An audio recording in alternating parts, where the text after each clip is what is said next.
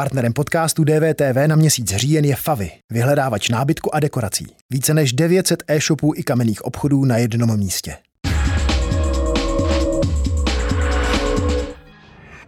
Včerejšek se nesl ve znamení očekávání projevu ministra zdravotnictví Romana Primuly. Měl oznámit, jak česká vláda bude bojovat s extrémně rychle se šířící nákazou koronaviru v zemi. Dvě minuty před začátkem projevu ho ale zrušil a takto zásadní oznámila až v 10 večer vláda. Ale projev Romana Primuly nakonec bude dnes, už za pár minut a uvidíte ho živě i u nás na DVTV. Česko se zítra opět probudí do režimu striktních protiepidemických opatření. Uzavřou se všechny školy. Zavřené zůstanou i restaurace, bary a kluby. Schromažďovat se lidé budou moci maximálně v počtu šesti osob a na veřejnosti začne platit zákaz pití alkoholických nápojů. Máme jen jeden pokus, který musí být úspěšný, abychom jako národ i tentokrát epidemii zvládli, řekl premiér včera po jednání vlády. Má Česko poslední šanci změnit kurz epidemie koronaviru? Jak by mělo posílit trasování a testování, abychom zvládali zachytávat pozitivní případy a včas je izolovat? O tom bude ve studiu mluvit člen centrálního týmu COVID-19, poradního orgánu vlády a koordinátor národního testování Marian Hajduch. Premiér Andrej Babiš s vicepremiérem Janem Hamáčkem navštívili dnes v Lánech prezidenta Miloše Zemana. Chtěli ho hlavně přesvědčit o tom, aby se nekonaly oslavy výročí 28. října na Pražském hradě. Miloš Zeman souhlasí s tím, že by se státní vyznamenání 28. října předávala na Pražském hradě bez účasti veřejnosti a politiků, ale předávat je bude. A ještě jedna aktualita k prezidentovi Zemanovi. Na pátek večer oznámil televizní projev i on. Bývalá armádní psycholožka, dnes onkopsycholožka, běžkyně, spisovatelka, podplukovnice v záloze Zuzana Nemčíková, žena, které se pětkrát vrátila rakovina. Nabídneme vám její příběh a přiblížíme projekt Medicomics, kreslené příběhy srozumitelně vysvětlující, jak funguje lidské tělo, proč vznikne nemoc, co se děje během léčby a jak správně pomoci nemocnému v rámci rodiny. Uvidíte v poslední části speciálu DVTV. Dobrý večer. Vedoucí laboratorní skupiny centrálního týmu COVID-19, poradního orgánu vlády a koordinátor národního testování Marian Hajduch, ředitel Ústavu molekulární a translační medicíny Lékařské fakulty Univerzity Palackého Volomouci. Dobrý večer. Dobrý večer vám i divákům. Tak eh, za chvíli vystoupí s projevem ministra zdravotnictví Roman Primula. Poslechneme si ho. Do té doby se vás budu ptát a potom navážeme. Pane docente, pomohou zastavit nová opatření kolaps eh, nemocničního systému? Tak kolapsu systému zatím ještě nedošlo, ale ten se nepochybně blíží.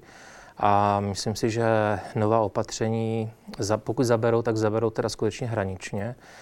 To znamená, my se k tomu kolapsu přiblížíme v podstatě velmi natěsno, ale věřím, že se ho podaří v podstatě jako no, teda skutečně na poslední chvíli zastavit, protože ty počty narůstajících případů jsou skutečně alarmující.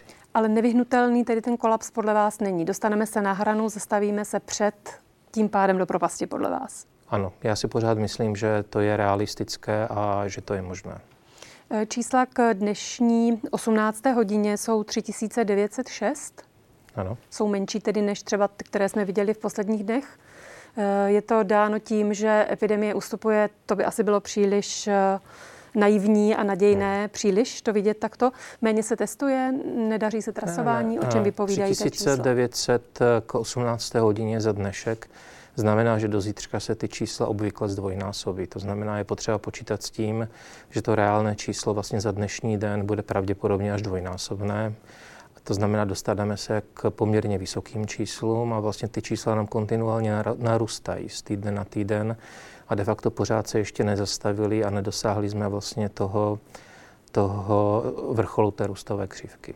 Takže dnes v noci to budou čísla, na která jsme byli zvyklí vlastně v těch posledních, nebo z těch posledních všedních dnů. Ano, je to velmi pravděpodobné. Eh, veřejnost, a to ani ta odborná, ani politická opozice stěžovala si na to, že nezná matematické modely na základě, nebo nezná všechny, řekněme, bychom byli přesní matematické modely, eh, na základě kterých vláda rozhodla o těch eh, drastických opatřeních.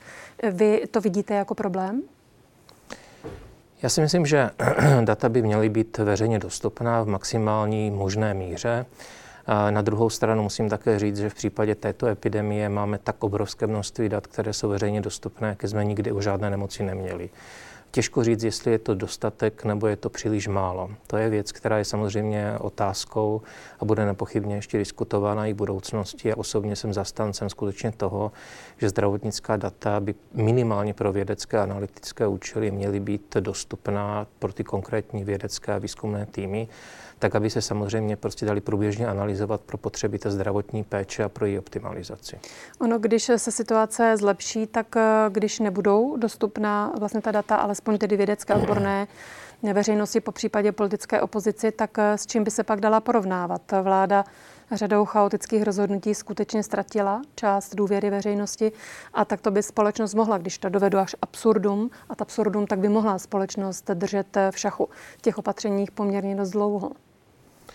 Já si myslím, že eh, ty opatření jako taková se v podstatě eh, přijímají na základě relativně jednoduchých čísel.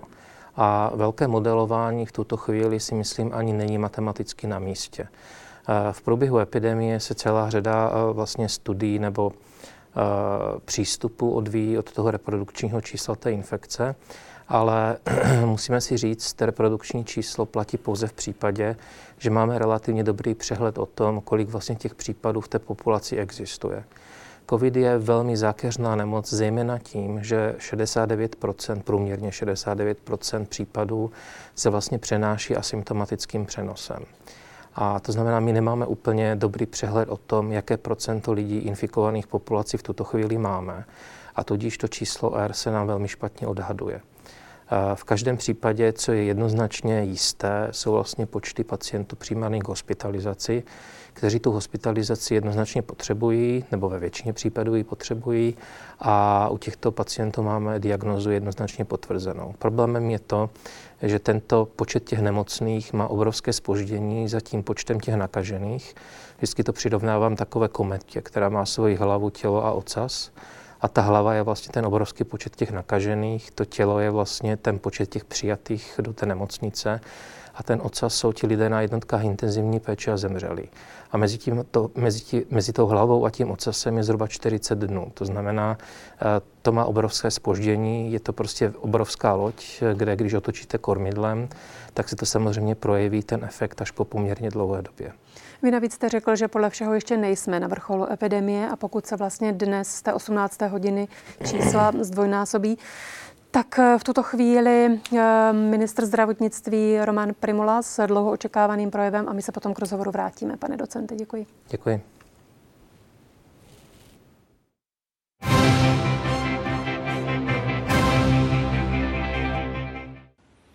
Vážení, jak jistě víte, Vláda České republiky včera jednala až do večerních hodin a přijala po celodenním rokování soubor dalších opatření, která zasáhnou do života každého z nás. Je přirozené, že nutně muselo vzniknout celospolečenský dojem velké frustrace a zklamání, že Primula opět něco utahuje, přikazuje, zakazuje. Že vláda jedná zmatečně, nerozhodně, nepřesvědčivě. I já jsem jen člověk a umím se do těchto pocitů žít. A proto bych vám všem chtěl sdělit věci, které mě opravdu tíží, možná ze všeho nejvíce. S plným vědomím jsem na sebe přijal zodpovědnost za to, že udělám maximum pro to, abych zabránil explozivnímu šíření viru v naší populaci, čemuž právě nyní neoddiskutovatelně čelíme.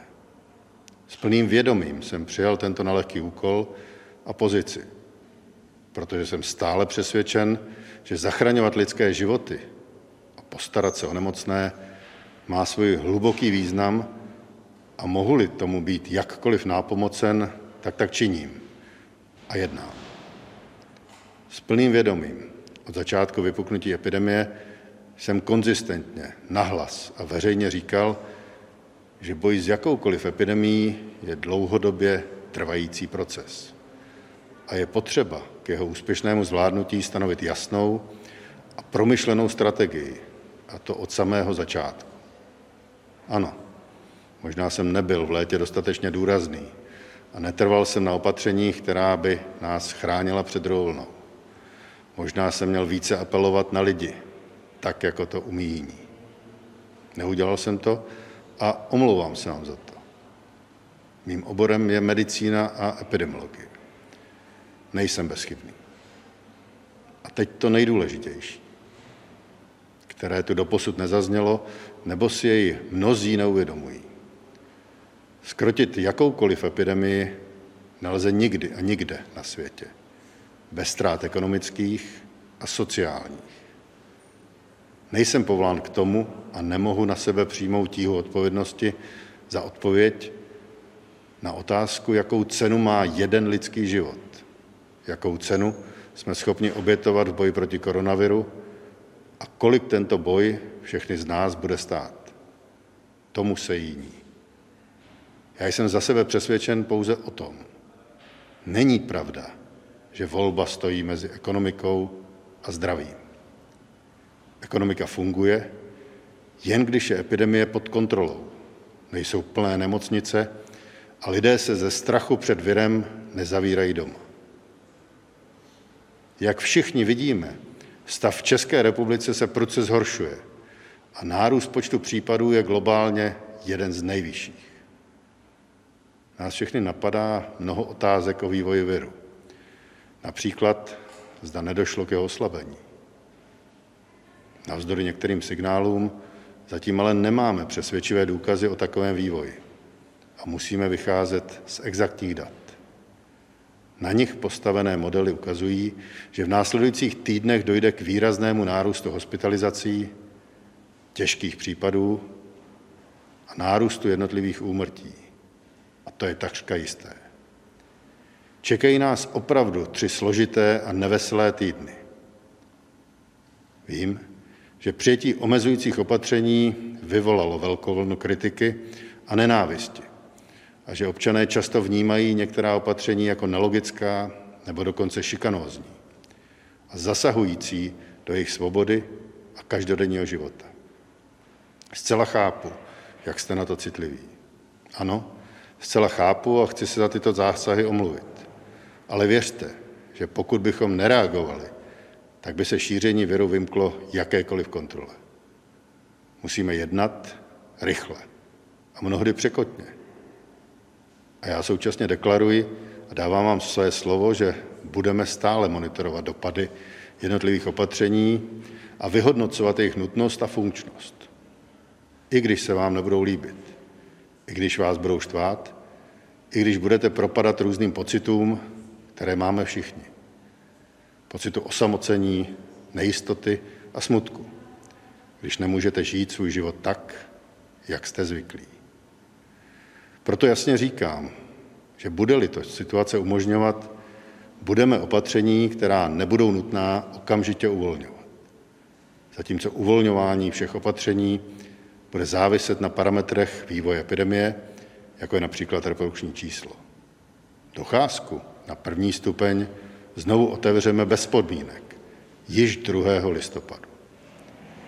Opatření jsou promyšlená, a protože se jako epidemiologové snažíme obsáhnout činnosti, které jsou nejvíce rizikové, tak často zasahujeme do osobního života každého z vás.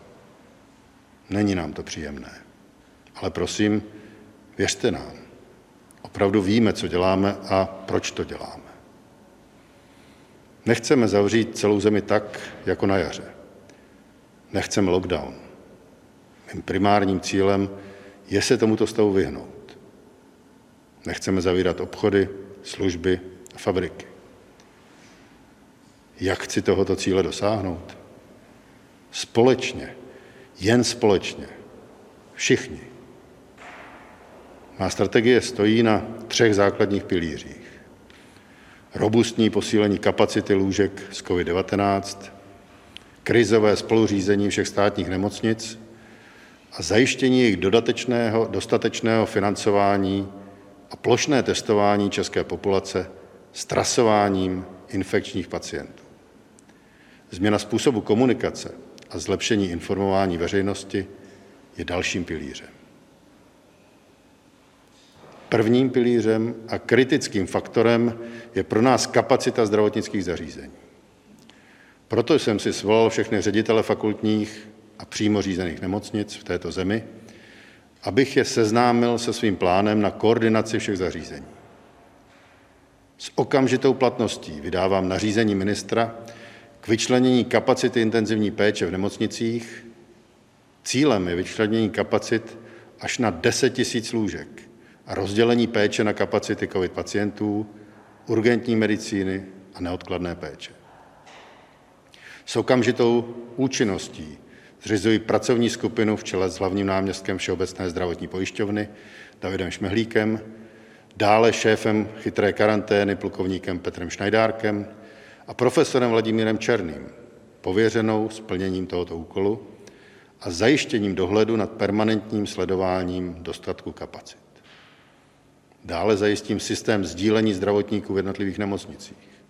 Zajistím i dofinancování zvýšené kapacity nemocnic. To, zda budeme muset opatření zpřísňovat nebo naopak uvolňovat, budeme primárně rozhodovat podle toho, jaká bude míra jejich naplněnosti. Musíme se za každou cenu vyhnout situaci, kdybychom se o některého z nemocných nedokázali z kapacitních důvodů postarat. Nejvýznamnější bude naplněnost kapacit jednotek intenzivní péče, na druhém místě samozřejmě i celkové zatížení nemocnic. Zahajujeme přitom akční plán, jehož cílem bude centrální koordinace řízení těchto kapacit. Cílem bude jednak vytvořit dodatečné kapacity jednotek intenzivní péče a dále i kapacity pro stabilizované pacienty, kteří zůstávají v nemocnici především proto, že je pro ně obtížné se v infekčním stavu vrátit do domácí péče. O dopadech tohoto programu a vývoji naplnění kapacit budeme občany pravidelně informovat. Bude tak k dispozici objektivní údaj, který, jak věřím, umožní občanům rozumět tomu, kde v boji s pandemí jsme. Druhým pilířem boje proti šíření viru musí být plošné testování. Pracujeme teď velmi intenzivně na průzkumu odpilotování metody testování na bázi antigenních testů. Tyto testy jsou rychlé, levné a snadné. Prakticky umí ukázat výsledek testu do 15 minut. Pokud by se nám je povedlo zajistit, pak testování by pro všechny občany bylo zdarma a umožnilo by nám, laicky řečeno, zachytit obrovskou množinu infekčních, tedy příznakových pacientů. Tento způsob testování by nám zásadně pomohl identifikovat nakažené pacienty virem a izolovat je od seniorů a zranitelných skupin obyvatelstva a v důsledku toho neohrozit ekonomiku a chod společnosti. Pokud se nám podaří toto testování provést celoplošně a úspěšně, získáme tím jednak zásadní data o chování viru a především nám to umožní nastavit výrazně cílenější systém karantény.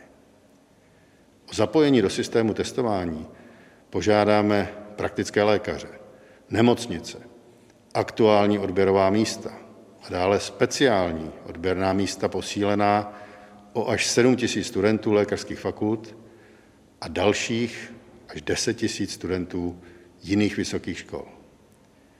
Věřím, že v přípravě tohoto projektu budeme postupovat velmi rychle a účinně. Proto jsem požádal ministra zahraničí Tomáše Petříčka o srovnávací studii ze zemí, kde tento model zavedli a úspěšně funguje. Například Jižní Korea, Lichtensteinsko nebo Dánsko. Třetí pilíř. Komunikace a informování občanů. Sebekriticky přiznávám, že způsob komunikace působí často dojmem nesrozumitelnosti, často nelogičnosti a také invazivním a agresivním dojmem. Ve skutečnosti jsem opravdu v situaci, kdy musíme reagovat na aktuální vývoj nákazy, který se šíří skoro už nekontrolovatelně. Zároveň je to do velké míry dáno tím, že epidemiologie je exaktní vědou, založenou na tvrdých datech. Zvenčí se může jevit nelogická, ale jde nám o celou populaci naší země a věřte, že víme, co děláme. Nečiní mi skutečně žádné potěšení vydávat permanentní zákazy a omezení a mají-li mít jednotlivá opatření efektivní dopad a mají-li oploštit křivku, je potřeba vám vysvětlit smysl jejich zavádění. Mým dalším důležitým úkolem je tedy najít jasnou a srozumitelnou komunikační linii. Chcete-li překladač do běžné lidské řeči. Důkladně a názorně. Jednoduše a lidsky. Budu se proto vždy snažit klást důraz na vysvětlení, proč je zavádím, z jakých důvodů a na základě jakých parametrů. Slibuji vám to, protože mi záleží na tom, aby se každý občan naší země orientoval. A udělám proto vše, co bude v mých silách. A pokud se vyskytne komunikační nedokonalost, vždy ji opravím, aby měl každý ty nejaktuálnější informace. Také prosím každého, pokud má tu možnost, ať už na svém počítači nebo v mobilním zařízení, ať sleduje můj Twitter, kde se pokouším jednoduše sdělovat velice důležité věci. A je to v současnosti nejrychlejší kanál přenosu zpráv.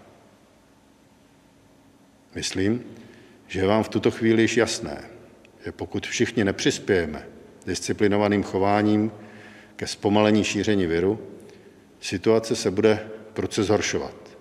A jakékoliv úsilí státu o boj s pandemií nemůže být úspěšné. Fakticky nám vy sami můžete dost pomoct. A i vaše disciplinovanost rozhodne o tom, zda budeme muset opatření dále přitvrzovat nebo uvolňovat. Věřím, že zmíněná otevřená jasná komunikace hlavního kritéria boje s pandemií, čili naplněnosti zdravotnických kapacit, nám pomůže, aby občané situaci skutečně chápali a neměli pocit, že restrikce jsou zbytečné. Také bych chtěl apelovat na všechny občany, kteří šíří obsah z dezinformačních zdrojů. Podněcují občany k nenošení roušek a nepodřizování se opatřením, aby to nedělali. Každý, kdo toto dělá, je přímo zodpovědný za ovlivňování populace naší země nesmírně škodlivými dezinformacemi, které dopadají nejen na lidi, kteří se můžou nakazit a umřít, ale i na zdravotníky a zdravotnický personál. Na lidi, kteří se každý den snaží zachraňovat životy na pokraji svých sil. A to jsou lidi, na kterých to momentálně stojí. Prosím, myslete na to a nešiřte neuvěřené a lživé zprávy. Na závěr využívám tento mimořádný prostor, abych vás provedl posledními opatřeními, které jsme museli přijmout, abychom se vyhnuli celoplošnému lockdownu. Prodiskutoval jsem je se všemi členy vlády, ústředním krizovým štábem a svým odborným týmem, složeným i z expertů ze zahraničí. Pojďme si teď všichni společně projít nová opatření. Školy s výjimkou mateřských přecházejí od zítřka na distanční způsob výuky. Vím, že je to velký zásah pro všechny rodiny, ale dobrá zpráva pro vás, rodiče žáků prvního stupně, je, že 2. listopadu se vaše děti do školy vrátí. Vím, že toto opatření má řadu odpůrců. I my jsme o něm velmi dlouho diskutovali. Jsou zde však jasná data, která ukazují, že nejčastěji jsou právě postiženi pedagogové a pracovníci ve školství, dokonce častěji než zdravotničtí pracovníci. Tento prudký nárůst začal 12. září a neustále raketově stoupá. Dosáhl už více než 4,5 tisíce případů. Pokud vezmeme pozitivní osoby podle povolání či podle oboru činnosti, je na prvním místě z více než 16% právě kategorie žák, student, učeň. Je tedy zcela samozřejmé a naprosto nezbytné, abychom neohrozili poskytování péče v našich nemocnicích, že zajistíme pro děti pracovníků naší kritické infrastruktury přístup do vybraných škol a vytvoříme ve spolupráci s řediteli našich nemocnic prostor pro to, aby bylo možné jejich děti pohlídat. Omezili jsme sice provoz na vysokoškolských kolejích, nabízíme všem ale možnost zdarma se otestovat. Studenti, kteří se obávají odjet domů, by právě po otestování mohli jet a nenakazili tak potenciálně své bližní. Dalším opatření, které platí od zítřka a budou končit s koncem nouzového stavu, v případě nutnosti ale může být tento nouzový stav prodloužen a mohou být prodloužena i některá opatření. Vše v závislosti na vývoji epidemie. Tím opatřením je například omezení schromažďování na šest osob. Je to opatření nutné, abychom snížili počet kontaktů ve společnosti, abychom například omezili setkávání žáků, kteří nemohou chodit do školy. Dalším opatřením je dočasné uzavření restaurací, barů a klubů. Ano, dočasně uzavíráme restaurace. Je to samozřejmě radikální opatření a omluvám se všem restauratérům, ale po diskuzi se všemi odborníky jsme se rozhodli omezit už i restaurace. Gastronomii a pohostinství se přímo nakazilo sice jen 722 osob, ale další významné počty nakažených souvisejí s nákazou v restauracích, barech a klubech a naše statistiky je vykazují pod kategorií nákaze na pracovišti, při volném čase, běžných aktivitách a společenských akcích. Pokud bychom to kumulativně sečetli, tak právě tyto aktivity napomohly k významnému šíření viru. Proto jsme museli omezit provoz, za což se omlouvám jak podnikatelům, tak ale běžným lidem, kterým jsme tak zkomplikovali život. Také jsme naslouchali ale sociologům, kteří správně řekli, že pokud bychom zavřeli školy a nikoli v restaurace, tak bychom vyslali silně negativní signál celému národu, že nám nezáleží na vzdělání. Souhlasím s nimi. Dalším opatřením je zákaz pití alkoholu na veřejně přístupných místech. Toto opatření má jediný cíl, to zamezení přenosu při popíjení alkoholu, při zavření restaurací, barů a klubů na venkovním prostranství. Toto opatření jde ruku v ruce s uzavřením právě zmíněných stravovacích provozoven. Je tu ještě jedno opatření, které z legislativních důvodů platí na rozdíl od ostatních od dnešního rána, nikoliv od konkrétního data, ale až do odvolání. Za tuto nelogičnost se chci omluvit, ale pokud chceme vyhlásit opatření právně korektně, musíme to takto udělat. Jsou to roušky. Roušky na zastávkách veřejné dopravy, tedy na nástupištích, přístřežcích a čekárnách veřejné dopravy, jsme zavedli z toho důvodu, že toto opatření je logickým doplňkem v minulosti zavedené povinnosti nosit roušky v MHD. Na zastávkách se schromažďují velké počty cestujících při čekání na spoje. Snažili jsme se nezavírat obchody ani služby s výjimkou fitness center, saun a dalších volnočasových služeb. Místo toho jsme zvolili cestu režimových opatření a apeluji na vás a znovu vás prosím, abyste se, pokud to bude jen trochu možné, vyhýbali blízkým kontaktům s ostatními zákazníky a dodržovali hygienu rukou. Pokud tato opatření budou dodržována, není skutečně důvod obchody ani služby zavírat. Pokud se podaří nárůst případů snížit a stabilně se pohybovat na úrovni reprodukčního čísla 0,8, budou jednotlivá opatření postupně uvolňována v co nejkratších intervalech. Aktuálně máme reprodukční číslo 1,5 a musíme jej srazit co možná nejrychleji. Na závěr můj osobní apel na všechny z vás, snad ten nejdůležitější. Bez vás, bez každého z vás, bez vašeho porozumění pravidlům a opatřením, bez vaší důvěry v to, že mají svůj smysl a bez jejich dodržování ten virus neporazíme. A prosím, pomozme. Pomozte mi v mé práci. Týká se to nás všech. Ano, každého z vás, kdo mě teď posloucháte, nebo kdo má slova čtete. Opravdu se to týká jednoho každého z nás. A pokud snad někdo z vašich blízkých neměl možnost tuto výzvu slyšet, prosím, řekněte mu o ní. Děkuji.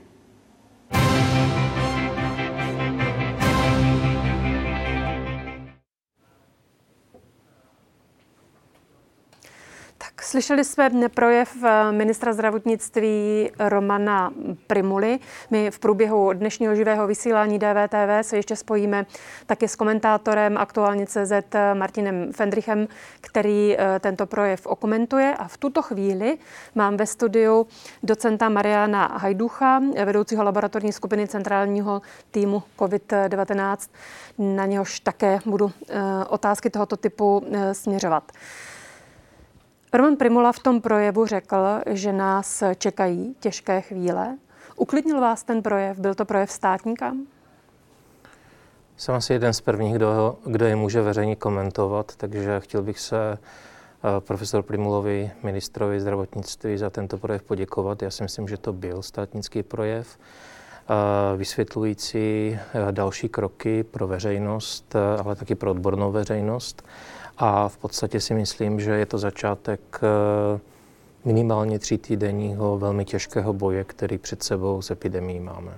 Minister zdravotnictví zmínil, že kapacity nemocnic eh, budou směřovat až na eh, počty 10 tisíc lůžek. Podle vás bude to potřeba?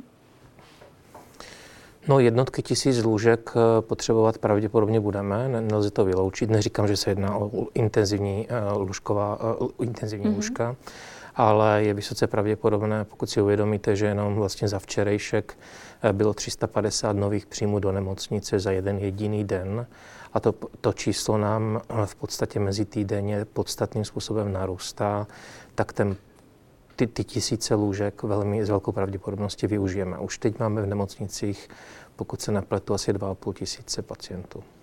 O těch číslech jsme mluvili ještě předtím, než projev začal. Podle vás, kdy epidemie dostoupá vrcholu a jakého čísla dosáhne? No, to kdybych věděl, tak by spousta opatření byla jednodušší. Mluvím se proto, ale, že vy jste říkal, ale, že epidemie eh, vrcholu ještě nedosáhla. Ne, ne, určitě nejde. nedosáhla vrcholu, to je zcela jednoznačné. Odhaduji, že toho vrcholu dosáhne za 7 až 10 dnů. A pokud se tyto opatření osvědčí a pokud je občané budou dodržovat. Toho, kdy a v jakých číslech se epidemie zastaví, totiž extrémně závisí na tom, zda skutečně jako občané budou tyto pravidla dodržovat, respektovat a zda vůči sobě budou dostatečně ohleduplní. Ocenili jste tedy omluvu ministra zdravotnictví, jak jsme ji slyšeli v tom projevu? Ano, já si myslím, že to je dobrý signál, že ministerstvo zdravotnictví eh, porozumělo i chybám, které se v minulosti staly, zejména teda v té komunikační úrovni a bude se je snažit do budoucna odstranit. Mm, takže chápete i to, že část veřejnosti ztratila důvěru po některých těch eh, chaotických, eh, neúplně eh, systémových výrocích a opatřeních, která ty poslední dny provázely? Chápu, ono to nebyly poslední dny, ono to trvá mnohem déle, bych řekl. A chápu tu ztrátu důvěry a ono část té ztráty té důvěry bohužel jde i za odbornou spol- jako veřejností, která celou řadu opatření a vlastně přístupu v boji s epidemí více nebo méně konstruktivně kritizuje. Jak si vysvětlujete ta vyjádření některých vašich kolegů z branže, nikoli kolegů přímo tedy z vašich oddělení, nicméně vyjádření odborníků, kteří um, vlastně ta opatření uh, kritizovali a stavěli se k ním tak, jak jsme toho byli v posledních týdnech svědky? No, upřímně řečeno nevím. Mluvil jste s některými z nich? Mm, ne v posledních mm. dnech nebo týdnech, samozřejmě jako v minulosti ano. Budeme mít, nebo je naplánovaná na tento týden vlastně vědecká rada ministra a uh, myslím si, že na vědecké radě se to bude intenzivně probírat. Nicméně mm, je to samozřejmě jejich názorové přesvědčení, na které máme nepochybně všichni právo, ale v určitou chvíli, specificky v situaci, ve které se nacházíme, kdy čísla dramaticky rostou, kdy se nám nedaří v podstatě tu epidemii skrotit, si myslím, že je velmi důležité, abychom všichni tahli za jeden pro vás. A pak samozřejmě tato tyto opatření, ta minulost bude podrobena jako velké kritice, ale pojďme teďka skutečně jako napřímit se k tomu, abychom šíření té nemoci zastavili, protože jde v podstatě o chránění těch rizikových skupin ekonomiky a zájmu České republiky. Pane docente, existuje podle vás něco jako střední cesta? Myslím cesta mezi mírou těch opatření a nezhlcením nemocnic. Myslím, že, myslím, že to, co... Totiž možná ani neexistuje. Já si myslím, že existuje. Mm. Já si myslím, že existuje. V podstatě je to cesta, e, která by byla dlouhodobě udržitelná a která by nám umožnila v podstatě vydržet e, do, e, za určitých opatření a za určité kombinace určitých postupů do doby, než bude vyvinutá vakcína. Já osobně jsem přesvědčen, že to možné je kombinací těch tří základních pilířů boje s epidemí, to znamená testování, trasování a protiepidemických opatření. Klíčovým problémem nebo takovým nedostatkem, který bych, eh, pokud ho můžu zmínit eh, v tom boji s epidemí, si myslím, že byl výpadek protiepidemických opatření, které nám prakticky během léta byly zrušeny téměř všechny. A, pak teda samozřejmě se začal zahlcovat systém testování, systém trasování. Testování to ustálo, trasování to neustálo a v podstatě teď musíme ty čísla srazit za cenu jako velmi tvrdých protiepidemických opatření. To, že se to povede, o tom já nemám pochybnosti. Ale my musíme tento čas, který budeme mít teďka během těch několika následujících týdnů, velmi intenzivně využít k tomu, abychom dis- diskutovali o tom, co pak.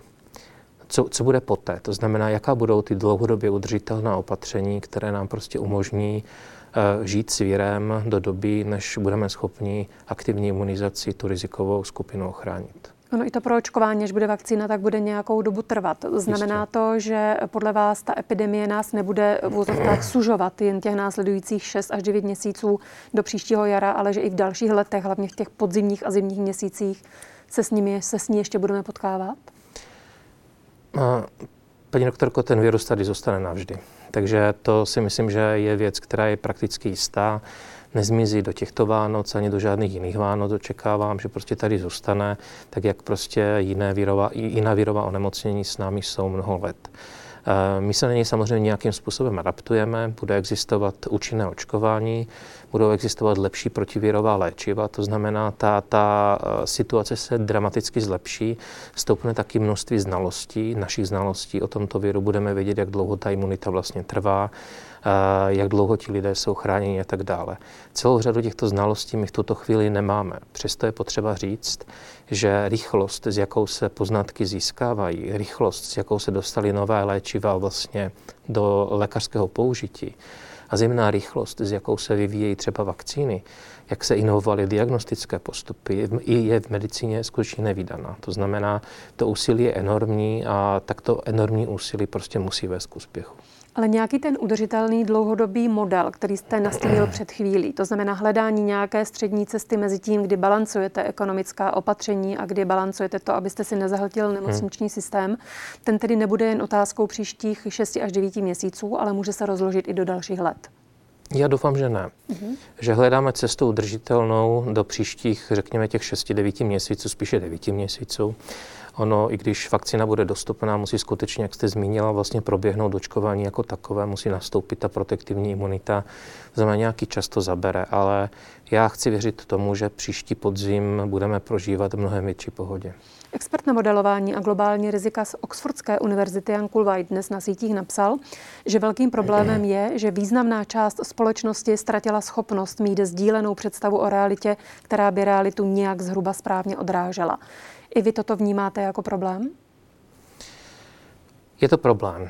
Eh, je to problém toho, že z doby informační jsme se překlopili do doby dezinformační a je v podstatě velmi obtížné se skutečně v tak obrovské množství informací pro obyčejného, nejenom pro obyčejného člověka, ale i pro odborníka skutečně uh, dobře, dobře orientovat. To si myslím, že je jeden z, jeden z důvodů, nebo uh, spíš bych řekl, že uh, by měl do budoucna dojít eh, k změně i výchovních a vzdělávacích programů, aby se položil mnohem větší důraz na kritické myšlení, nejenom na memorování faktů, ale na to, aby teda ti občané a budoucí budoucí, budoucí občané České republiky byli schopni se v těch faktech jako reálně orientovat a byli si je schopni ověřovat. Ano, lidé už se v epidemii ztrácejí, nevědí, čemu mají věřit, netuší, co je podstatné v záplavě těch informací. Mnohdy. Co je v tuto chvíli hlavním ukazatelem stavu epidemie v České republice? Jsou to denní přírůstky, počty hospitalizací, reprodukční číslo? Já si myslím, že všechny ty parametry jsou důležité, je potřeba je zohledňovat. Myslím si, že tím nejčastnějším parametrem jsou skutečně počty nakažených, ale je potřeba zohledňovat také počty trasovaných osob a počty kontaktů, které jsou vlastně, eh, kterým je ukládána karanténa a všechny tyto parametry současně nám jako kdyby umožní mapovat, jak se ta epidemie vlastně v České republice vyvíjí. Mhm. Nedají se eh, oddělit od sebe, je potřeba je interpretovat současně. Vaším oborem eh, v boji proti koronaviru je testování. Ministr zdravotnictví Primula minulý čtvrtek ostatně zmínil to i teď v projevu, tak řekl, že plánuje otestovat většinu populace se zapojením praktických lékařů. Vy znáte nějaké detaily tohoto plánu? Velké detaily úplně neznám. Pan ministr minulý týden na laboratorní skupině na jednání takové základní obrysy té představy jako kdyby nastínil. A my shodou okolností jako laboratorní skupina jsme zhruba před třemi týdny vydali společně ze společnosti lékařské mikrobiologie a Národní referenční laboratoři stanovisko k použití antigenním testů a doporučili jsme skutečně do první linie pro symptomatické jedince. O plošném testování asymptomatických jedinců diskuze neprobíhala zatím. Je to skutečně věc, kterou bychom potřebovali detailní probrat a v podstatě jsem rád, že i pan ministr mluví teda o nějakém pilotním testování e, iniciálně, protože ono to není tak jednoduché, jak to na první pohled vypadá. Začíná to, nebo začne to v podstatě u toho, zda se nám skutečně podaří 6 milionů takových testů do České republiky dostat. Eh, jaká bude jejich senzitivita a specificita. Zda to budou testy od jedné firmy nebo od několika firm. Eh, zda tyto testy budeme schopni distribuovat na místa primární péče. Jakým způsobem se ty výsledky budou reportovat, jakým způsobem budeme trasovat tak obrovské množství lidí, které nám z těchto testů potenciálně vypadne a zda a jak budeme výsledky těchto testů ověřovat. To znamená, a to jsou jenom věci, které mě teď napadly, mm-hmm. to znamená těch otázek a problémů, které tam budou a které budeme muset nějakým způsobem se snažit vyřešit, bude obrovské množství. A skutečně si myslím, že je na místě, aby se v podstatě takový iniciální pilot pro, ty, pro to plošné testování jako odzkoušel. Ano, praktický lékař Michal Bábíček k ministrovu záměru řekl. Je v této chvíli naprostým nesmyslem, že by se dalo ráno otestovat 100 pacientů za dvě hodiny. Nyní stále běží normální provoz. Denně je na celý den objednáno přibližně 40 pacientů na vyšetření, kontroly, očkování. Plus vyřizujeme denně asi 100 telefonátů a mailů kvůli konzultacím zdravotního stavu. Když pominu organizaci fronty, která má 100 lidí v minimálně dvoumetrových rozestupech, pak jedno vyšetření bude trvat určitě aspoň 3 minuty, dohromady 300 minut, to je pět hodin celkem. Tam se na to, jestli je ten plán vůbec realizovatelný. Ano, hovoří se zatím tady o tom hmm. pilotním plánu, uvidí se, co bude možné, ale z hlediska vlastně těch, těch parametrů, které vám do toho hmm. vstupují, to nevypadá, že by se to dalo realizovat. No, právě proto si myslím, že bude důležitý ten pilot. To znamená, my musíme vidět, jako v jakém rozsahu to proveditelné je a v jakém není a případně ten rozsah modifikovat podle toho. Já jako těžko odhadnu v tuto chvíli víc z toho záměru, ale myslím si, že skutečně pilot je naprosto nezbytný, tak aby se vlastně všechny tyto detaily dali odchytat, protože když si uvědomíte, že jeden praktický lékař má na sobě třeba 2000 pacientů a měl by je otestovat v nějaké době, řekněme. Do Navíc to potřebujete všechny. udělat, ano, do dvou týdnů. To se nemůže, určité nemůžeme to natahovat čtvrt roku, že, tohle testování. Takže do nějakého časového limitu a to samozřejmě bude teda mimořádně náročné. A nemám úplně představu o tom, jakým způsobem by se ta odběrová kapacita v České republice takhle rychle navýšila. Forenzní genetička Halina Šimková upozorňuje také na nevýhody antigenního testu, který by se pro odebrání vzorku měl používat. Její slova pro deník N. Množství věru v těle koreluje s fází nemoci. Zcela čerstvě nakažení nebo lidé s odeznívajícím onemocněním budou pro test neviditelní. Roste-li teď počet případů exponenciálně, pak bude postupně přibývat zejména těch čerstvě nakažených. Test je nezachytí, jsou však nebezpeční, protože krátce po testu už začnou virus šířit. Tam se na to, jestli sdílíte tyto výhrady a proč by se měl používat právě tento typ testu. Vy sám jste před chvílí zmínil, že je určen hlavně pro lidi s příznaky, pro ty symptomatické. Ano. Samozřejmě, jako to je i v souladu s naším stanoviskem, který jsme, které jsme k tomu v podstatě uh, dali. A na druhou stranu je potřeba si uvědomit, že já já si uvědomuji tyto rizika a, a tam je velké riziko, že v případě asymptomatických, presymptomatických nebo minimálně symptomatických jedinců skutečně významně vyšší, vyšší procento těchto pacientů nezachytíme. Na druhou stranu je prostě otázkou, zda i děravá síť není lepší než vůbec nic, eh, protože nám pomůže alespoň část v podstatě těch eh, jedinců zachytit.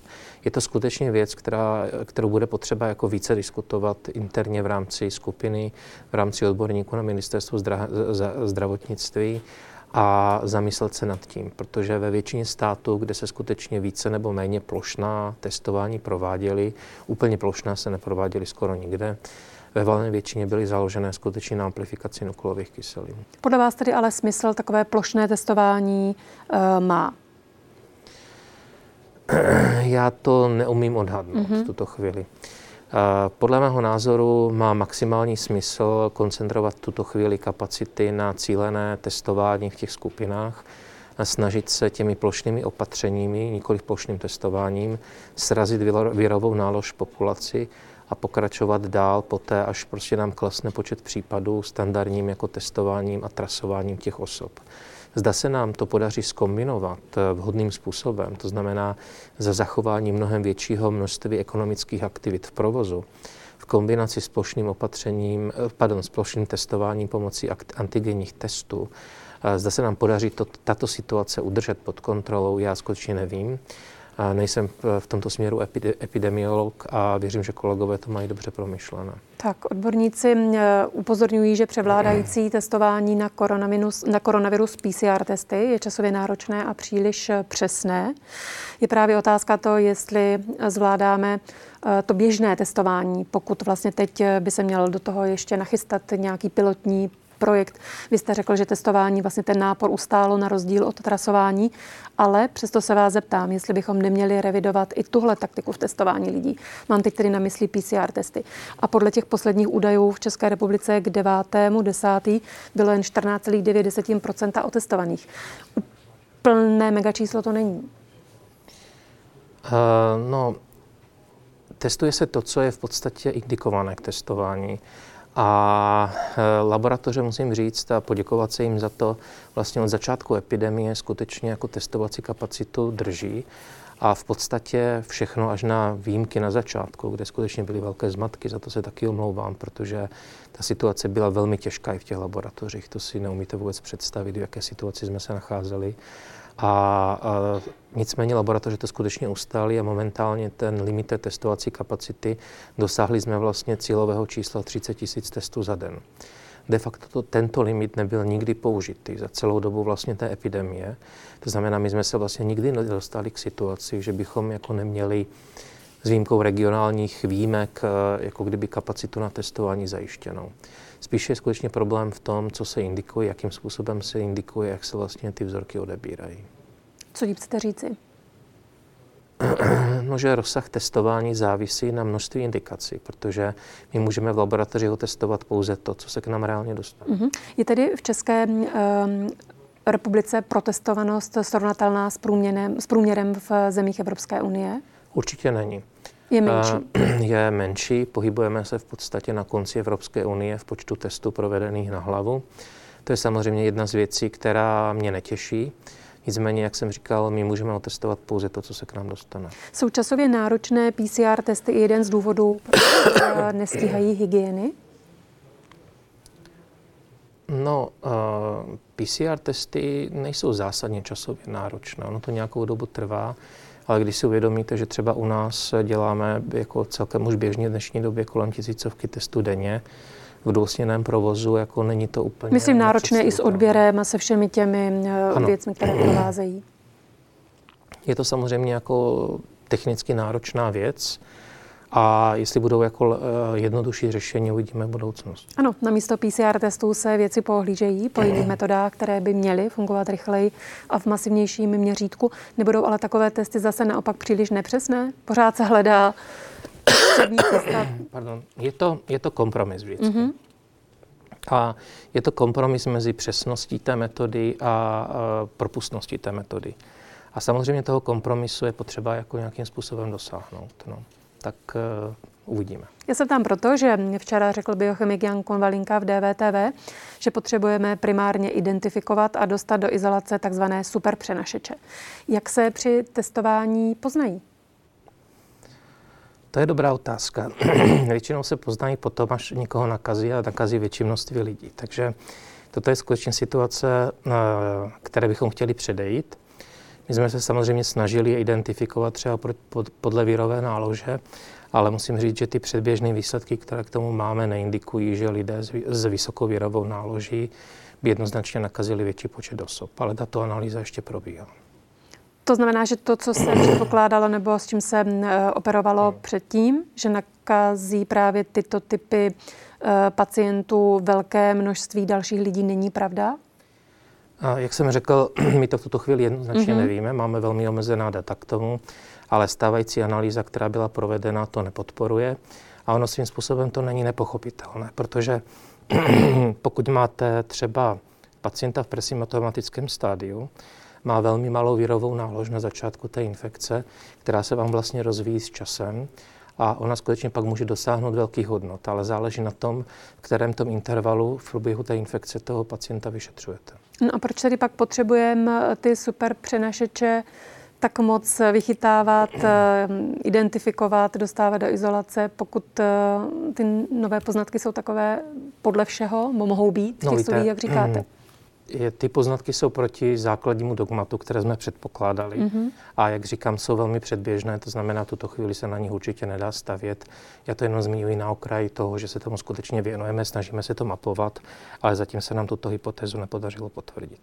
Rozeznat eh, super přenašeče na základě testu podle některých v současnosti taky nelze. Eh, cituji, rozhodovat, jestli je pozitivní člověk nakažlivý pro své okolí podle množství viru v aktuálním PCR testu, pokládám za zavádějící a nezodpovědné. Slabě pozitivní výsledek může být vystřídán pozitivním výsledkem o den nebo dva později. To jsou slova odborníka na DNA diagnostiku Omara Šarého z Masarykovy univerzity eh, v Brně. Já s tím absolutně souhlasím. Je to tak. A je to v kontextu i toho, co jsem zmínil. Mm-hmm. To znamená, extrémně závisí na tom, v které fázi té infekce to vyšetření provádíte. A platí to i naopak, tedy, že když je někdo pozitivní, tak eh, nemusí být nakažlivý? Eh, může to tak platit eh, v případě, že se jedná vlastně o člověka, který prodělal infekci a dlouhodobě tento virus vylučuje. Takových lidí je velmi malé množství, musím říct, že zhruba po těch po ukončení vlastně izolace je jich skutečně minimální počet, ale byli takoví a jsou a někteří z nich vyučovali virus jako velmi dlouhou dobu. E, prakticky nikdy, a to ani v celosvětových studiích, se nepodařilo tyto viry vykultivovat, to znamená, neprokázala se jejich viabilita a tím pádem se předpokládá, že nejsou infekční. E, velmi pravděpodobně se domluváme, že se, domníváme, že se jedná o virové částice, které jsou obalené neutralizačními protilátkami a které vlastně nejsou schopny další buňky infikovat ani další jedince.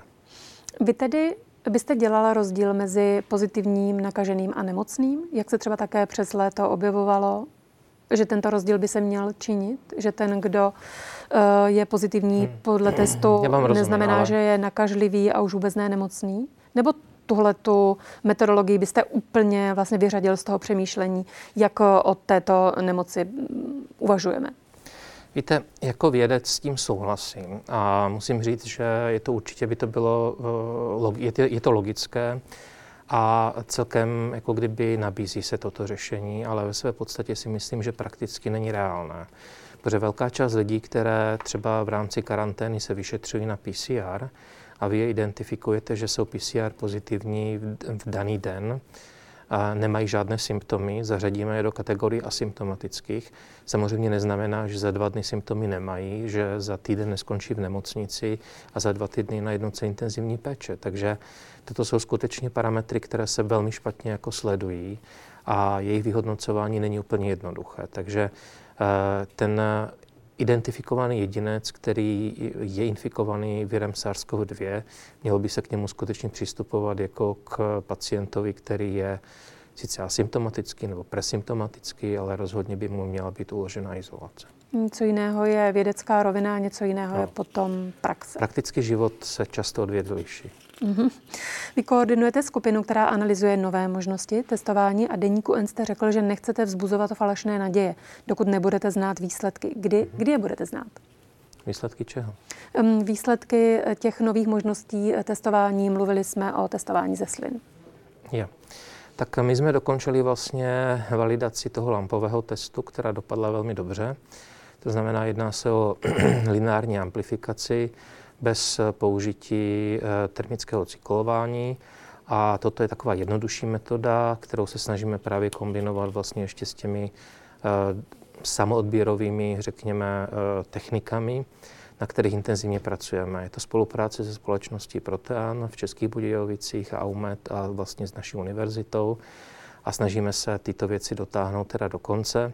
V tuto chvíli běží klinická studie, která srovnává vlastně standardní odběr s tím samoodběrem a uvidíme, jak ta studie dopadne. Bude záležet na tom, jak lidi budou ochotní do ní vstupovat. A vkládáte do něj stejné naděje tedy, jako do tohoto výzkumu, jako docent Konvalinka. On řekl, vypadá to, že nejjednodušší a nejrychlejší bude odběr ze slin pomocí výplachu úst. Je tam řada technických problémů, ale jsem optimista a věřím, že do několika týdnů nebo málo měsíců by měly být certifikované metody, které to udělají velmi rychle a spolehlivě.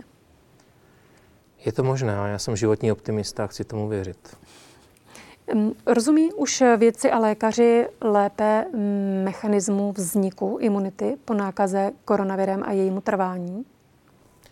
Trochu lépe určitě ano, ale myslím, že to pořád není dostatečné. Takže je zjevné, že eh, ta imunita se bude pravděpodobně podstatně lišit, nebo ne podstatně, ale určitým způsobem se bude lišit průběh infekce u těch asymptomatických jedinců a u symptomatických.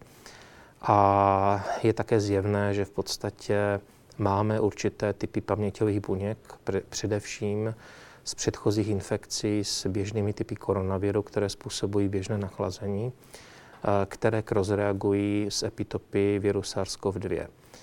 A řeší se do značné míry, do jaké míry třeba se toto podílí na třeba asymptomatičnosti některých osob nebo jejich imunitě vůči tomuto onemocnění ale těch otevřených otázek zůstává velké množství. Jak to, že část populace je na COVID rezistentní? Jsou hmm. rodiny, kde jeden člen eh, onemocní a ostatní ne? A to i dospělí. To je, to, to je podivuhodné. Mm-hmm. A Přitom, to... když je třikrát nakažlivější ano. než chřipka? No, možná i víckrát. I víckrát? Uh, myslím si, že takhle, uh, víte, že to asi není genetická záležitost, uh, ta, ta, ta vnímavost na tu infekci nebo je rezistence na ní. Pravděpodobně to bude sou, souviset s dalšími faktory, které se úplně neznají, ať už budou environmentální nebo třeba věkové. Ale máte naprosto pravdu. My taky vidíme často vyšetřené rodiny, které chodí současně na vyšetření, které bydlí v jedné domácnosti a prostě někdo tu infekci nedostane vůbec a třeba polovina rodiny onemocní, polovina nikoliv. Vy doporučujete teď očkování proti běžné chřipce? Určitě. Je možný souběh chřipky a COVID-19? Eh, možný samozřejmě je. Je to situace, na kterou se jistým způsobem připravujeme. Osobně si ale myslím, že je dost málo pravděpodobný. Protože k němu vlastně nedošlo ani na jaře k tomu souběhu a realisticky ty roušky v podstatě odstranili i celou řadu dalších respiračních infekcí a de facto konstantně bojujeme s nemocí COVID-19. To znamená, já očekávám, že na podzim to bude probíhat dost podobným způsobem. Přesto bych ale rád vyzval všechny eh, občany, zejména ty v rizikových skupinách, aby se proti chřipce zaočkovat nechali pravidelně každý rok, bez ohledu na to, zda COVID je nebo není. Je to velmi důležité, je to, minim, to minimum, co pro sebe maxim, ti, ti občané můžou pro udělat, uh, zaočkovat se proti chřipce, ale případně i dalším bakteriálním infekcím, třeba proti pneumokokovi, v tom věku nad 65 je to určitě velmi prospěšné. Vy jste lékař zaměřený na výzkum nádorových onemocnění. Doplácí na COVID pacienti s těmito diagnózami, protože lůžka na specializovaných pracovištích budou zřejmě vyčleněná na COVID. Možná, že už to v některých nemocnicích i probíhá. A z písku třeba se potřebný pacient na tohle specializované pracoviště nedostane a v místě, kde bydlí mu třeba nemocnice, nebude moci pomoci, protože takové pracoviště nemá. Já doufám, že to nestane. V průběhu jarní epidemie Česká onkologická společnost vlastně velmi intenzivně monitorovala průběh péče o pacienty s diagnózou nádorového onemocnění a zásadním způsobem ta péče nebyla jako kdyby ovlivněna průběhem té epidemie. Chci tomu věřit, že to tak bude i v průběhu této podzimní vlny. Úplně garantovat se to nedá, protože skutečně ta populační nálož, která je momentálně v populaci, je absolutně nesrovnatelná s tím, co jsme tady měli na jaře. V každém případě to, co dopady mít pravděpodobně bude, podle mého soukromého názoru, je prevence nádorového nemocnění, protože na tu prevenci skutečně celá řada lidí vlastně nepřišla. A já bych velmi vyzýval občany eh, k tomu, aby skutečně tuto, eh, toto nepodceňovali a jakmile ty, ty, ta vlna té epidemie, té epidemie se převalí Českou republikou a situace se sklidní, aby do těch preventivních programů se opět navrátili. Eh, my musíme říct, že vlastně většinu elektivní péče, která byla na jaře odložena, se vlastně během prázdnin dohnala v těch zdravotnických zařízeních. Nicméně teď budeme opět odkládat aktivní péči a budeme ji dohánět pravděpodobně někdy v příštím roce. Obavy z koronaviru mohou vést až k tomu, že se promarní třeba šance na úspěšnou léčbu onkologických onemocnění. Sám jsem přemlouval několik svých pacientů, aby přišli na vyšetření. A stejně se někteří báli přijít nechat si píchnout injekci, která jim pomáhá v léčbě rakoviny. Přitom, co je koronavirus proti rakovině. Ptá se primář urologie Jan Mečl v IDNESu, jak to, že se lidé dnes víc bojí covidu než, než nádorových onemocnění, než rakoviny. Jak si to vysvětlujete? Je to skutečně podivuhodné, protože eh, rakovina je mnohem nebezpečnější samozřejmě než koronavirus. A, a v podstatě si myslím, že to je novostí toho onemocnění a těch v podstatě toho průběhu, jaký jsme sledovali v jiných zemích, třeba na jaře v Itálii nebo v New Yorku, eh, kdy ten průběh byl skutečně fatální, velké množství lidí umíralo ve velmi krátké době. A to si myslím, že je to, co vlastně ti lidi, lidi vyděsilo. Také je potřeba říct, že celá řada pacientů s nádorovým onemocněním jsou v rizikové skupině pro COVID-19, mají významně vyšší riziko eh, výskytu tohoto onemocnění, ale také je nutno říct, že o tyto pacienty se staráme jako velmi speciálním způsobem, eh, monitorují se pro výskyt toho onemocnění, jsou velmi přísné podmínky hygienické eh, pro nakládání s nimi. Takže já si myslím, že toto je skutečně věc, kde se snažíme to riziko v maximální míře minimalizovat, ale samozřejmě nelze ho absolutně odstranit. Jakou roli v onom strachu hraje nakažlivost, která je u covidu mnohonásobně vyšší než u rakoviny. Navíc u rakoviny nebo u nádorových onemocnění to, tuto nemoc lidé s nakažlivostí uh, obvykle nespojují. A přesto rakovina je nakažlivá, že jo? takže víme, že rakovina děložního hrdla je nakažlivá, způsobuje virus HPV, hepatocelulární karcinom můžou způsobit viry žloutenky a tak dále. To znamená, i nádorová onemocnění jsou nakažlivá, některé formy toho nádorového onemocnění. Proč si to uh, nespojujeme, nevím. Jako v podstatě Jakou roli ty infekční v tom nemoci... strachu hraje ta nakažlivost? Ano. Jakou roli vlastně teď ano. v tom strachu hraje nakažlivost? Já myslím, že eh, čelíme něčemu, na co jsme nebyli zvyklí a co jsme si v podstatě už ani neuměli představit, že by mohlo nastat. A na ty nádorová onemocnění jsme si tak nějak zvykli, že prostě mají nějaký průběh, eh, nějakou vylečitelnost. Ty výsledky se podstatným způsobem zlepšují z roka na rok.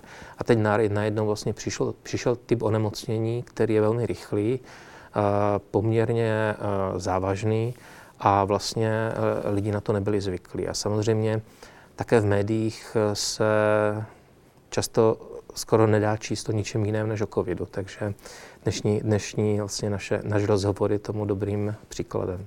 Spolu s vědci z Olomouckého ústavu molekulární medicíny dlouhodobě zkoumáte látku fenretinit, ano, dobře jsem to přečetla.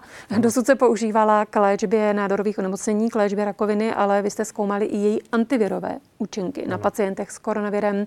V té kontrolované studii bylo na 300 dobrovolníků. Jaké výsledky to přineslo? No, to nevím, jestli je úplně pravda, mm-hmm, ale tak mě prosím, respektive vím, že není. je to úplně přesně je to tak. Vycházela jsem z veřejně dostupných ano, zdrojů. Tak to nevím, ale v každém případě je pravdou, že jsme skutečně jako prokázali protivírový účinek této látky. A žádná studie a nebyla? S těmi byla studie in vitro, která proběhla v podstatě na buněčných uh, liních mm-hmm. na mhm. našem ústavu. A my právě jsme tyto výsledky pak poskytli společnosti, která vlastní vlastně licenční práva k tomu výrobku. A ta skutečně zahájila, dostali jsme vlastně povolení na zkoušení této látky ve Spojených státech a v Kanadě, kde vlastně momentálně běží klinická studie, která by měla nabrat až do 300 dobrovolníků. Mm-hmm, Takže tak to. to je to vysvětlení. Mm-hmm. A jaké šance na úspěch dáváte tedy dalším testováním nebo dalším fázím testování toho léku? A jak on s těmi antivirovými účinky může být prospěšný v boji s koronavirem? No, on má kombinovaný účinek. Částečně antivirový, kde přímo brzdí replikaci toho viru a současně má velmi silný protizánětlivý. Ale přitom není imunosupresivní ten účinek, což je jako zajímavá kombinace. Co to znamená? Například kortikoidy, které se mhm. používají e, v léčbě vlastně covidu, těch těžkých forem toho nemocnění, kde tlumí ten zánět, mají kromě své protizánětlivé složky i imunosupresivní. To znamená, oni brzdí tu imunitní mm-hmm. odpověď. Fenertinit tuto vlastnost nemá. On naopak v podstatě moduluje imunitní odpověď pozitivním směrem a to máme odzkoušené z řady jiných studií, které jsme v minulosti publikovali. Takže to je jedna z takových zajímavých uh, látek, které mají duální vlastnost, že současně blokují replikaci viru a současně mají protizánětlivý účinek, takže mohly by být potenciálně účinné, ale víte, všechny tyhle věci ověří až klinické hodnocení. Mohl by být eh, fenertinit eh, účinnější než remdesivir, anebo by se tyhle dva léky, tyhle dvě látky spíš doplňovaly? To neumím na tuto otázku odpovědět, ale velmi pravděpodobně by se mohly kombinovat. V každém případě, co je jisté, že fenretinid je orálně dostupná látka, zatímco remdesivir musíte podávat intravenózně. Takže ten rozdíl jako v té, v té praktičnosti toho, toho použití může být velmi významný. Pane docente, já vám děkuji za účast v dnešním živém vysílání DVTV. Děkuji vám za informace. Já vám taky děkuji. Naschledanou. Dnes jsme slyšeli projev ministra zdravotnictví Romana Primuly, kde vysvětloval aktuální opatření proti koronaviru a zhodnotil epidemiologickou situaci v Česku. Původně měl Roman Primula z obrazovek promluvit už v pondělí večer. Pár minut před začátkem ale své vystoupení zrušil, protože se protáhlo jednání vlády o zpřísněných opatřeních. Po Skypeu teď vítá Martina Fendricha, komentátora Aktuálně CZ. Dobrý večer. Dobrý večer. Tak Martine, byl to projev státníka nebo odborníka? Eh, tak nebyl to asi úplně projev politika, byl to, člověk, byl to projev člověka, který je v tísni, který se ocitl vlastně z mého pohledu takřka v zoufalé situaci, protože na něj byl hozen úkol, který je asi opravdu velice těžký a e, dostal se do toho vlastně velice pozdě. E, přiznal několikrát chybu, což si myslím, že je u českých politiků a pan Primula teď se stal tedy politikem, protože je ministrem tak je to věc naprosto výjimečná. Uklidnil vás ten projev? No, abych pravdu řekl, kdybych měl popsat pocity, tak na mě eh, celé to aranžmá toho projevu, to znamená ti stojící ředitelé nemocných v tmavých šatech a pan Primula v tmavých šatech, eh, působil tak trochu tísnivě, až skoro děsivě. On ještě mluví takovým hlubokým, vážným hlasem, takže člověk má pocit jisté tragédie nebo čeho. Eh, myslím si, že by to bylo sneslo možná trochu přirozenější prostředí, možná, že měl pan Primula promluvit sám a z nějakého místa, které by bylo pro toho diváka trochu komfortnější. Tohle působilo skutečně jak pohřeb. Prostě byl jsem z toho dost překvapen, že zvolili tuto formu. A jak byste ohodnotil obsah eh, toho projevu a ocenil jste omluvu? Samozřejmě. Myslím si, že Eh, to, že pan Primula jaksi eh, byl schopen eh, vidět, že možná nebyl dost důrazný v létě, že neprosazoval ty věci dost důrazně a teď vlastně ta čísla, která sledujeme, jsou obrovská, tak to je prostě potřeba ocenit a myslím si, že to je fér, že to říká, je to, znova opakují, u nás velmi nezvyklé, to, že se omlouvá. Zároveň člověk cítí, že on Eh, rozumí té věci, že on eh, jak si ví, jaké nebezpečí nás potkalo, ví možná do jisté míry, co nás čeká, takže potom některé ty věci, které řekl, mě trochu překvapily. Třeba to, že prohlásil, že 2. listopadu rozhodně s jistotou otevřou první stupeň základních škol. To mě překvapilo, protože si myslím, že dnes ani pan Primula nemůže říct, jak ta čísla budou vypadat.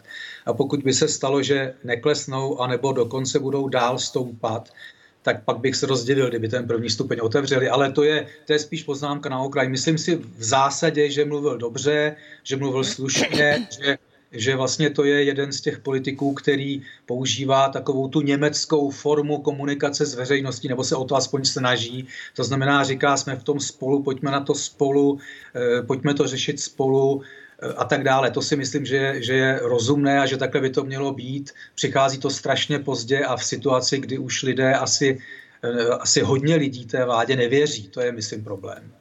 No a může tohle podle vás tenhle stav změnit, že lidé začnou více, nebo alespoň část společnosti začne více důvěřovat těm rozhodnutím a opatřením, která přicházejí z vládou?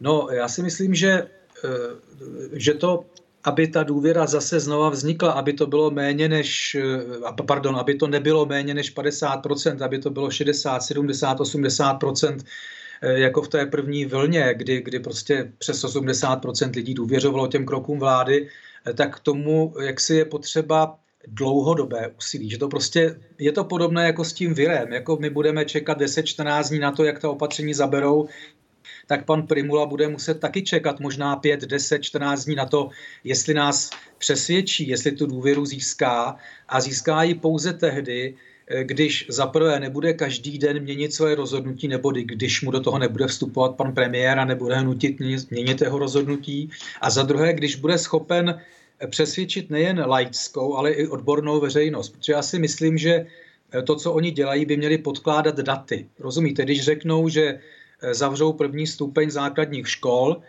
tak my asi jako lajci víme, že skutečně na tom prvním stupni základních škol eh, k tomu šíření viru dochází, ale jak to bylo v těch hospodách, to úplně s jistotou nevíme. Takže když prostě se teď dozvídáme, že hospody můžou podávat jenom jídla z okýnek nebo rozvážet jídla a tak dále, prostě takové dost tvrdé opatření, tak my bychom byli rádi, kdybychom slyšeli ta tvrdá data, kdybychom měli jistotu, že skutečně se z těch hospod, z těch běžných hospod, kam se lidi chodili najíst přes den, se to skutečně šířilo. Takže to si myslím, že je jeden způsob, prostě dávat k dispozici ta data, nic neskrývat a zároveň ta data spojovat s těmi kroky, které pan Primula a jeho lidé dělají. Proč podle vás televizi už nepromlouvá premiér? Eh, no, to je těžká otázka. Já si myslím, že pan premiér je eh, v defenzívě. Myslím si, že on neumí v defenzivě jednat. On je zvyklý, že, že vyhrává, on je zvyklý, že je ten suverén, ta jednička, že se může chlubit a najednou prostě vidí, že není čím se chlubit, tak si myslím, že je velice rád. Eh, za prvé, že vyměnil pana Vojtěcha Adama za pana Romana Primulu, čili že, že může jakoby nabízet jakousi změnu a to, že skutečně něco udělal.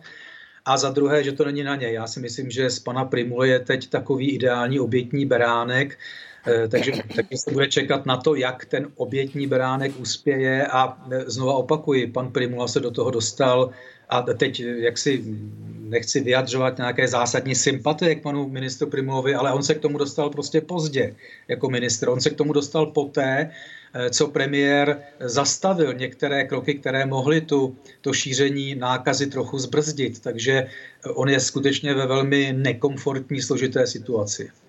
Chce se podle vás premiér zbavit odpovědnosti a uchovat si tedy tvář zachránce z jara? Eh, no, Eh, že se chce zbavit odpovědnosti, o tom vůbec nepochybuju. A eh, s tím zachováním tváře zachránce, toho spasitele jarního, to si myslím, že se mu nemůže povést, protože lidé okamžitě zapomenou na to, co bylo a sledují to, co se děje. A já si myslím, že že teď budeme sledovat dva základní problémy. První je tedy to, jak se budou plnit a jestli se budou plnit nemocnice, jak budou Eh, zdravotníci zvládat ten nápor. To je jedna eh, skutečně klíčová věc. Eh, s ní souvisí ten počet úmrtí spojených s covidem, úmrtí, prostě, které ten covid v podstatě zaviní. A druhá věc je to, co budeme sledovat, jak budou krachovat nejenom hostince, ale sportovní zařízení a tak dále. Prostě to je něco, co, na, co, na co ten stát není zvyklý. A když člověk mluví s těmi jednotlivými hospodskými, tak eh, má pocit, že oni eh, se dostali do situace, kdy jim jakoby nikdo nerozumí z té vlády. Oni mají pocit, že, že se o ně nikdo nestará. Oni říkají, prosím vás, to, to, co se děje, je prostě úplně absurdní. Eh, od nás přeci ta nákaza nejde, my se, my se snažíme to dělat co nejlíp a ono to prostě nefunguje. Oni na nás kašlou, rozumíte? Čili tohle to je druhá věc, které bude nejenom pan Primula, ale tak především tedy pan premiér čelit. Tak Takže já si myslím, že tím zachráncem z jara už dávno není, to už skončilo. Proč jsme podle vás podobný projev neslyšeli od Adama Vojtěcha na jaře? On nenil, není státník? Eh, tak rozhodně není státník, eh, ale eh, na jaře ta situace byla jiná a to aranžma, to PR, ten marketing, který s tím byl spojen, byl jiný. Na jaře tady byl premiér, který to všechno řídil, který bral na sebe jakoby v úzovkách odpovědnost, který neustále vystupoval, byl všude a e, měl to štěstí, že ta první vlna byla prostě v České republice mírná. Já si nedokážu, nebo ne, netroufnu, netroufnu si hodnotit, proč byla tak mírná, jestli skutečně zabrala ta přísná opatření, nebo jestli v tom byly i nějaké jiné prvky. To prostě nevím. E, nerozumím tomu. Ale v té druhé vlně e, pan premiér najednou prohrává, ta vláda prohrává, a on mizí, protože samozřejmě nechce být ten, kdo prohraje. Já si myslím, že pro Babiše je naprosto klíčové, jak dopadnou příští rok volby. On teď viděl eh, v těch krajských volbách a senátních volbách, že se mu nedaří tak, jak by si představoval, to, to říkám hodně slušně. A tak si myslím, že by strašně nerad byl spojen s nějakým malérem, strašně nerad by byl spojen s tím, že Eh, jak si lidi, lidi si řeknou, on může za to, že jsme nedělali v létě dost proti šíření té nákazy koronavirové. Myslíte, že tohle může být i důvod, proč eh, minister zdravotnictví Roman Primula dnes eh, vlastně v tom projevu nezmiňoval příliš vládu, nezmiňoval premiéra Andreje Babiše, že se snaží vlastně to spíše odvést k nějaké té věcnější, odbornější rovině směrem k, ke společnosti? Ne, já si nemyslím, že by pan Primula s náma hrál takovouhle politickou hru. E, myslím si, že on prostě je zvyklý jednat sám za sebe. On je vlastně tak trochu podle mě podobný typ jako pan premiér. On je zvyklý, že to dělá za sebe. Prostě on je zvyklý na to, že já je na prvním místě. E, je to, je to prostě je to typický šéf tohoto typu. Takže si myslím, že u něj nejde o to, aby nějakým způsobem chránil Babiše nebo někoho jiného. On prostě eh, jedná sám za sebe, teď to na něj hodili a on to prostě přijal, ten, ten balík, který na sobě nese a snaží se eh, ten balík řešit jako odborník, což si myslím, že je eh, velmi problematická věc mimochodem, protože on je teď politik, on je teď ministr, takže těch úkolů má mnohem víc a e, myslím si, že to, že je expert na epidemiologii, e, je teď jakoby druhotná věc. Teď bude muset nechat, myslím, jiné experty, pokud je má, pokud prostě e, na tom, na tom ta vláda není tak, že, že ji opouštějí ti kvalitní lidé, jako je opustil třeba pan Nastislav Maďar, což si myslím, že byla velká škoda a chyba ale prostě Primula teď bude muset spolehat na jiné odborníky a bude muset začít jednat jako politik. A to, že, to, že vystoupil to, že se pokusil veřejnost jaksi ne snad uklidnit, já si myslím, že to nebyl uklidňující projev, on byl mm-hmm. skutečně svým způsobem děsivý, jo? ale to, že vystoupil a mluvil k veřejnosti, je jasným znakem toho, že na sebe bere i tu komunikaci, že on bude teď tím, tím hlavním eh, komunikátorem, tím uzlem, který bude navázán na, na veřejnost. Podle vás tedy ten přechod eh, z role odborníka do role politika zvládl dobře. A ptám se taky na to, jestli nebude čelit eh, pokušení vlastně tyhle ty dvě role kloubit dohromady, anebo možná, že to nakonec bude dobře. Pokud byste toto mohlo komentovat. Eh, já si myslím, že pan Primula není politik. I když se pokoušel do politiky vstoupit za tu Zemanovu stranu a tak dále, Eh, myslím si, že není především politik. On je, on je eh, především, si myslím, jak si svým habitusem, svým naladěním voják. Toto prostě z té mluvy slyšíte, to nejsou jenom ty volnočasové aktivity, eh, což je takový typický vojenský termín, který vlastně normální člověk vůbec nepoužívá. Že jo? Eh, aspoň teda doufám, že ho normální člověk nepoužívá. Eh, to prostě není politik, to myslím, že není jeho, jeho podstata. Jo? On je eh, asi skutečně odborník na to svoje, to já neumím posoudit, ale, ale ostatní lidé, kteří se v tom vyznají, tak říkají, že Primula tomu rozumí, takže je odborník a, a zároveň je to prostě člověk, který se teď dostal do té manažerské role, do toho člověka, který má řešit tu krizi. Já si myslím, že on je teď skutečně to, čemu se říká krizový manažer, daleko víc než minister. Takže si myslím, že to, že je politik, je druhotné. Eh, prvotní je to, že on prostě eh, se bude snažit skutečně zabránit tomu ještě prudšímu šíření COVID-19. No, Být ministrem zdravotnictví je politická role, ať se to Romanu Primilovi bude líbit nebo ne. Podle vás ten přechod, tedy z té odborné role do, do pozice politika zvládl uh, dobře, nebo pokud se to vůbec dá číst z jednoho projevu?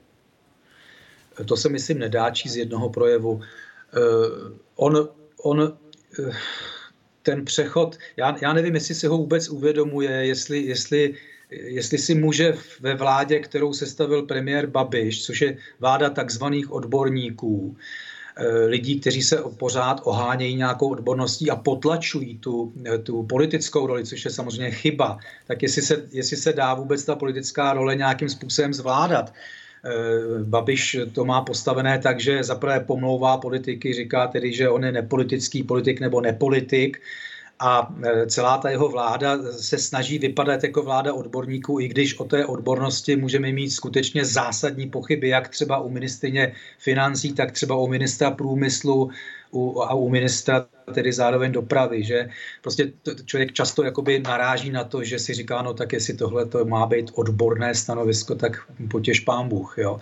Ale prostě ta političnost, to, že ten, to, že ten ministr je tady o toho, aby komunikoval s veřejností, jo, aby, si, aby věci zvažoval nikoliv jenom z toho údajně odborného hlediska, ale ze všech možných úhlů pohledu, že to je politika, jo, to je věc obce, že jo, to není jenom to, že já jsem epidemiolog, tak teď to pojedu prostě po té epidemiologické rovině. Ne, to znamená, že já se musím na ty věci dívat ze široka. Právě to, co říkají ti hospodští, teď oni nám nerozumějí, oni vůbec nechápou, o co nám jde. Rozumíte? Tak tohle to si myslím, že v téhle vládě se vůbec nenosí. A myslím si, že ti lidé, kteří tam nastupují, tomu prostě eh, zdrcující většinou až na výjimky nerozumí. Mm-hmm. Přečetla bych vám teď dva uh, twitterové posty Erik Tabery. Všechny drobnosti nechám stranou. Profesor Primola měl dobrý, srozumitelný a důležitý projev. Tuším, že bychom měli vidět ještě další. Ano, Michal Bláha. Minister profesor Primola měl velmi dobrý projev, zejména obsahově. Díky za něj. Ano, tak tyto dva. Pokud eh, byste, byste se k těmto úplně adoračním nebo oceňujícím eh, komentářům úplně nepřidal, obsahově ten projev vlastně po, té, eh, po, tě, po tom chaosu a po těch eh, posledních dnech, které byly těžší, opravdu za sebou máme turbulentní dny, doslova hodiny. Opatření se měnila po několikáté. O víkendu vystupoval Andrej Babiš na tiskových konferencích také dosti chaoticky. Velmi nepřehledná situace nastala včera, kdy byl eh, projev Romana Primuly zrušen, vládní tiskovka byla přesunuta. Jestli skutečně v se dá třeba uvěřit tomu, že s tímto projevem dochází k nějaké změně i jakoby v té komunikaci směrem ke společnosti a jestli může přinést nějaké uklidnění a zvednout důvěru části společnosti k tomu, co vláda bude dělat a co nás celkově zřejmě v těch příštích minimálně třech tíživých týdnech čeká. Eh, tak já už jsem na to v podstatě odpověděl. Ono to skutečně z toho jednoho projevu nejde usoudit. A já si myslím, že to, co nás čeká a jestli můžeme se cítit uklidněně a tak dále, to přeci nezáleží jenom na panu Primulovi, to hodně záleží taky na tom, jak se mu do toho bude plést pan premiér Babiš, protože my víme, jak to bylo s těmi rouškami před časem, kdy eh, ministr Adam Vojtěch je chtěl zavést eh, jaksi v daleko širším měřítku, než mu to potom premiér dovolil. Čili e, otázkou je, e, jak nakolik prostě ta interference Babišova do toho, co dělá Primule, bude zásadní a nebude zásadní, to uvidíme. Ale to, že pan Primula e, jaksi je ochoten vystoupit, vystoupit před veřejností, je ochoten přiznat svoji roli, je ochoten říct, že on je tady teda ten Eh, ten řezník, který to má vyřešit a drží tu, tu roli, eh, jak si nezbavuje se odpovědnosti, to si myslím, že je ta kvalita, o kterou asi v tom viděl eh, Erik Tabery a pan, a pan Bláha. Čili tohle to samozřejmě akceptuju, to je v pořádku, ale je to jednou. My uvidíme, jestli se náhodou nestane, že za dva, za tři dny to zase bude všechno jinak. A potom prostě Eh, lidé nemohou věřit těm jednotlivým krokům. Jo? A už jsem, už jsem zmínil, ještě to jednou zopakuju, to, že prostě teď, 14 dní předem, eh, pan minister říká, že určitě otevřou ten základní stupeň základních škol. Já si myslím, že prostě to je chyba, že to říkat nemá, že to prostě nevíme, teďko neví to ani on, vůbec nevíme, co bude. A pokud by ta čísla ještě dál stoupala, tak prostě potom nemohou otevřít první stupeň základních škol. To by bylo velké riziko. Čili Eh, myslím si, že eh, není možné to lakovat na růžovo ani, ani eh, s takovouhle drobností. Jo? Na druhou stranu si myslím, že on mluvil prostě seriózně, že říkal celkem jasně prostě, co bude dělat, že se chce jakoby veřejnosti spovídat. A to je role politika v krizové situaci, to je naprosto v pořádku. Takže v tomto smyslu s Erikem Taberem a panem Bláhou souhlasím. Co očekávat od proslovu prezidenta Miloše Zemana, který z televizních obrazovek promluví v pátek? Eh, vůbec netuším.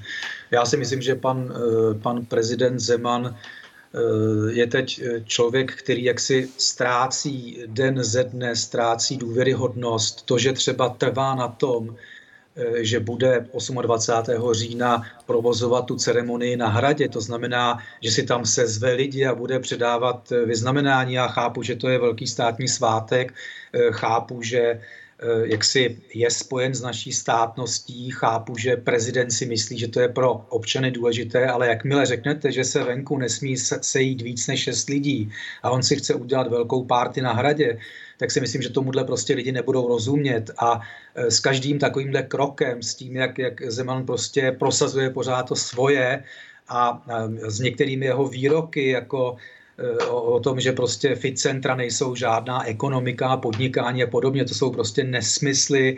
Eh, myslím si, že spousta lidí si uvědomuje, že ten člověk už vlastně jakoby nemá co říct a bylo by snad lepší, kdyby mlčel. To ani nemluvím o jiných dalších věcech, které do toho eh, jaksi covidového prostředí nepatří, ale Eh, to co, to, co pan eh, prezident Zeman dneska říká, tak si myslím, že nebudí důvěru a eh, je mi vlastně popravdě řečeno skoro jedno, co bude v pátek říkat, mě to přestalo vlastně zajímat. To si myslím, že, že to, co říká pan Primula, je pro mě daleko zásadnější, protože vím, že on to prostě myslí smrtelně vážně. Jo? To, je, to je jedna z věcí, která na tom projevu byla dobrá, že já vím, že Primula tohle myslí vážně. Martin Fendrich, komentátor Aktuálně CZ, děkuji za vaši účast v našem živém speciálu. Dobrou noc. Děkuji za pozvání, dobrou noc.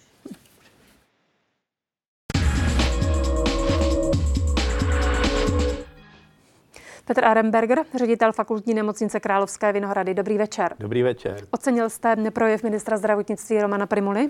Ano, já myslím, že ta informace, která tam zazněla, tak je zásadní, je zásadní nejen pro veřejnost, ale i pro nás, ředitele nemocnic, protože víme, co čekat, na co se připravovat. My v podstatě ty, eh, ta čísla si modelujeme postupně podle těch různých vzorečků epidemiologických, čili my víme, že prostě se bude očekávat eh, větší nápor na naše nemocnice, pokud se ta velká čísla nezmění, takže mm, tohle to v podstatě mi jenom potvrdilo to, že se od nás bude očekávat ještě víc.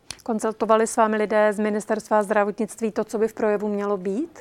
Ne, eh, my jsme v podstatě v kontaktu trvale, čili oni mají od nás čísla, eh, s kterými my pracujeme, ten vývoj té situace sledují díky eh, tedy jednotlivým datům, která dáváme v podstatě online do jednotlivých informačních systémů ale ta rozhodnutí to samozřejmě běží globálně, to ani my nejsme schopni nějak zásadně tomu přispět. Proč jste tam tedy stáli s ním? Chtěli se dát vážnost té situace. Martin Fendrich hovořil o tom, že to působilo trošku tísnivým až pohřebním dojmem. Tak eh, měli jsme si asi vzít světlejší obleky, to je pravda, protože ty působí trošku lépe, když Někteří moderátoři říkají, že gentleman po 18. hodině už má být v tmavém obleku. Eh, ne, já si myslím, my jsme byli pozváni, abychom přišli, to nebyl náš primární nápad, ale my jsme tam řešili ještě celou řadu jiných věcí, takže jsem pochopil, že v podstatě ta situace byla využita k tomu, abychom nějakým způsobem eh, potvrdili to, že i ředitele přímo řízených organizací jsou připraveni eh, to, co tam zaznělo, podpořit. To je to, byste řekli, že jste byli osloveni, takže to je to, co po vás pan ministr chtěl, abyste tam vlastně byli spolu s ním a nějak uh, dodali um, platnost, nějakým způsobem potvrdili tedy to, co se v tom projevu obsahově sdělovalo? Já jsem to tak vnímal na druhou stranu, jak říkám, to nebyl jediný důvod, proč jsme byli na ministerstvu a měli jsme tam ještě další jednání právě co se týče organizačních věcí, co se eh, týče různých detailů toho, jak budeme postupovat, jakým způsobem budeme rozšiřovat kapacity, jaké jsou stávající kapacity, jak eh, se vypořádat s tím, že třeba... Eh, Pane řediteli, k tomu se dostaneme, moc se omlouvám. Jenom mi řekněte, jestli jste s tím souhlasili hned, jestli jste třeba nezapochyboval malinko nebo chvíli, zda se tím nestáváte třeba součástí politického boje? A nebo na tyhle ty uh, úvahy vůbec v tuhle chvíli není čas? Tak ta data byla známá už ze včerejška, takže tam asi to nebylo velké překvapení, to, co zaznělo. Já spíš jsem to vnímal, takže eh, to, co se nestihlo říct na tiskové konferenci a vysvětlit, takže bylo vhodné, aby se vysvětlilo dnes, tak nám to i pan ministr Myslím, ta přítomnost sdělil. vás u toho, jestli jste to nevnímal, jako že se stáváte součástí politického boje. Takhle vůbec. Já si myslím, že to ani nějak tak jako politický boj nebylo vnímáno, teď spíše potřeba řešit ten virus. Mm-hmm. Jak tedy to teď... zamává s vládou Jasně. nebo ne, bude až následující krok. Jak tedy teď konkrétně budete postupovat s vyčleněním lůžek intenzivní péče pro urgentní případy? Slyšeli jsme v projevu ministra zdravotnictví, že se má vyčlenit až 10 tisíc lůžek. Nikoliv samozřejmě přímo asi těch intenzivních, ale i pro následnou péči. Zkrátka bohužel pro účely COVID-19? Eh, pokud eh, vezmeme všechny nemocnice, které jsou v České republice, tak já si myslím, že to je realistické číslo a vychází skutečně z těch dat, která existují. My vlastně tímto způsobem postupujeme už od března, kdy jsme si vytvořili nějaký scénář pro různé objemy pacientů. Eh, myslím, že jsme to dokonce na jaře trošku přehnali, protože jsme byli připraveni na mnohem horší stav, než který nastal, což bylo naštěstí, ale o to více jsme připraveni teď na stejný stejný scénář, který najíždíme. Eh, pochopitelně ne, všechno je úplně jednoduché.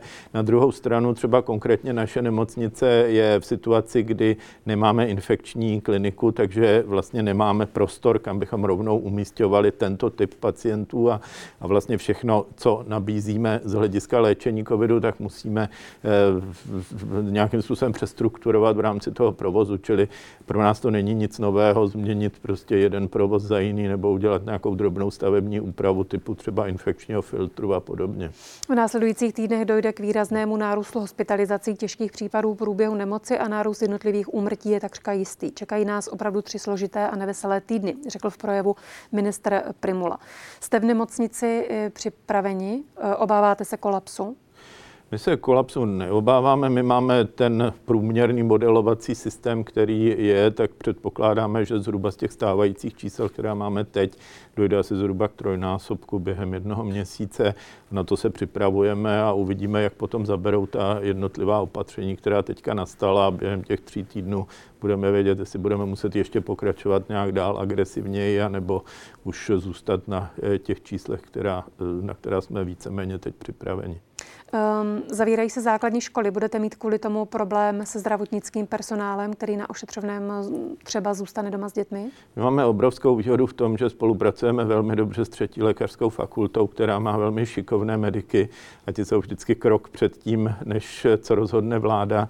Takže už v tom březnu vlastně oni byli dříve eh, na značkách připraveni nám pomoct, než to nařídila vláda a teď na podzim je to stejné, takže my od pondělka otevíráme takovou jako příměstskou školu eh, s malými skupinami, o které se budou starat naši medici a eh, náš personál, eh, který by jinak musel být doma, tak může zůstat v práci a vždycky ty děti přivést. Mm-hmm. Budete muset omezovat jinou péči s tím, jak budete eh, vyčlenovat eh, některá lůžka právě pro COVID-19? My jsme se ještě do minulého týdne snažili, abychom eh, péči neomezovali vůbec, což se nám celkem dařilo, ale od tohoto týdne spíš omezujeme třeba nějaké plánované operace. Odhlašují ale... se pacienti z plánovaných operací? Um, to ani tak ne, oni spíš nechodí na ambulantní vyšetřování, tam už máme více méně prázdné ordinace v některých případech.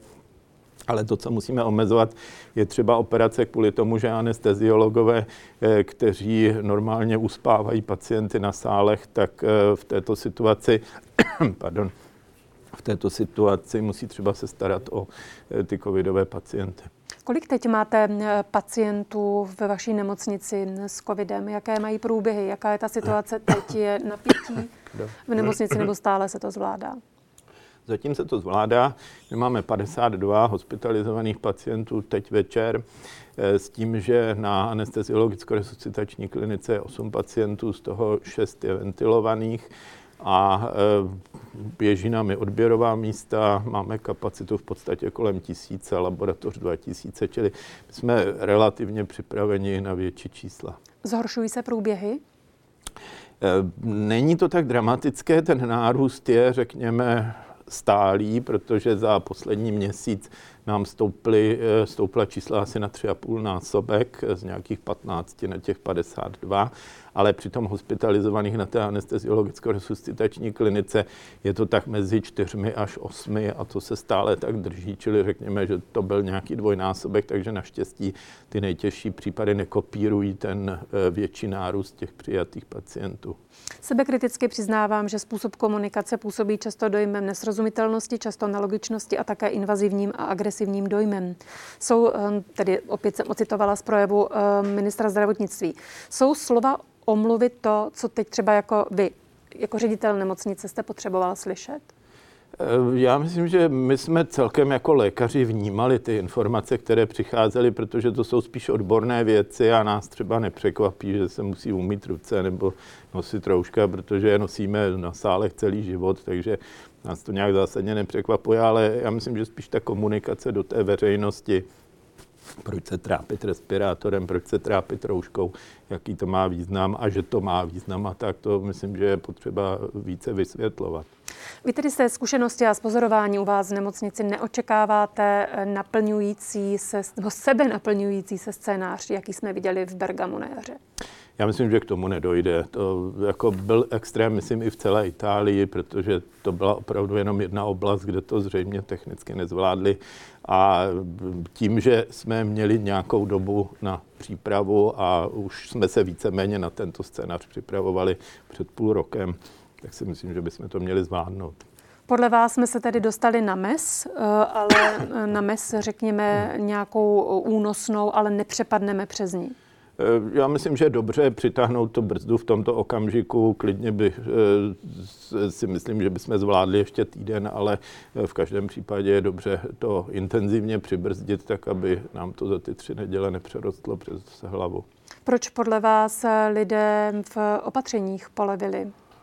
Já myslím, Proč ztratili že... tu důvěru? Proč ehm, já myslím, že to je celá řada faktorů. Já myslím, že i česká mentalita v tom trošku hraje roli. Když nám někdo něco nařídí, tak vždycky přemýšlíme, jak to obejít. To je jeden z těch důvodů. Další důvod je, že jsme si trošku na ten virus všimli určitě na jaře, když něco poletovalo kolem nás, tak jsme si říkali, že je to nebezpečné a přes léto jsme zjistili, že ten vzduch je stále dobrý a že jsme nic nechytli. Takže se zdálo, že i na podzim to bude stejné a Otázka je samozřejmě i třeba důvěryhodnost politiku, ale to nejsem schopný nějak zásadně objektivně posoudit. Já si spíš myslím, že jako ta česká mentalita v tom hraje relativně významnou roli. Lidé, kteří budou potřebovat eh, lůžko s plicním ventilátorem, ho podle vás dostanou?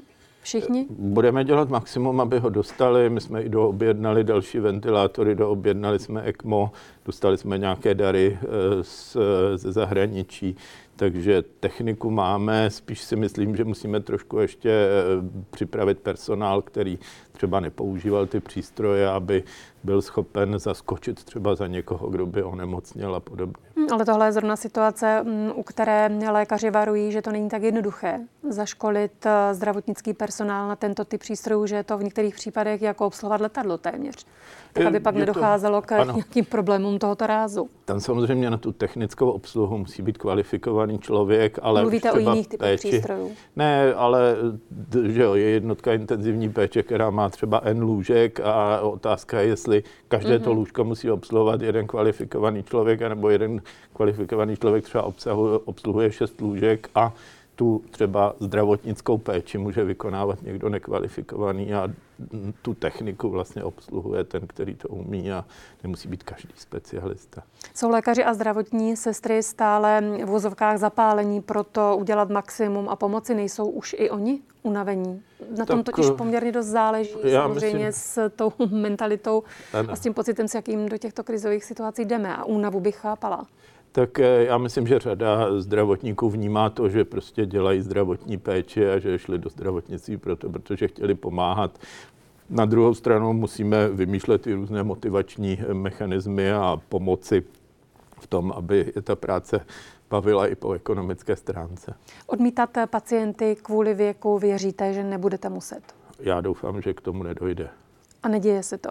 V současné době určitě ne a doufám, že ani v budoucnosti nebudeme taková rozhodnutí muset dělat. Pane řediteli, já vám děkuji za rozhovor a za účast v živém vysílání DVTV. Naschledanou. Děkuji, nashledanou.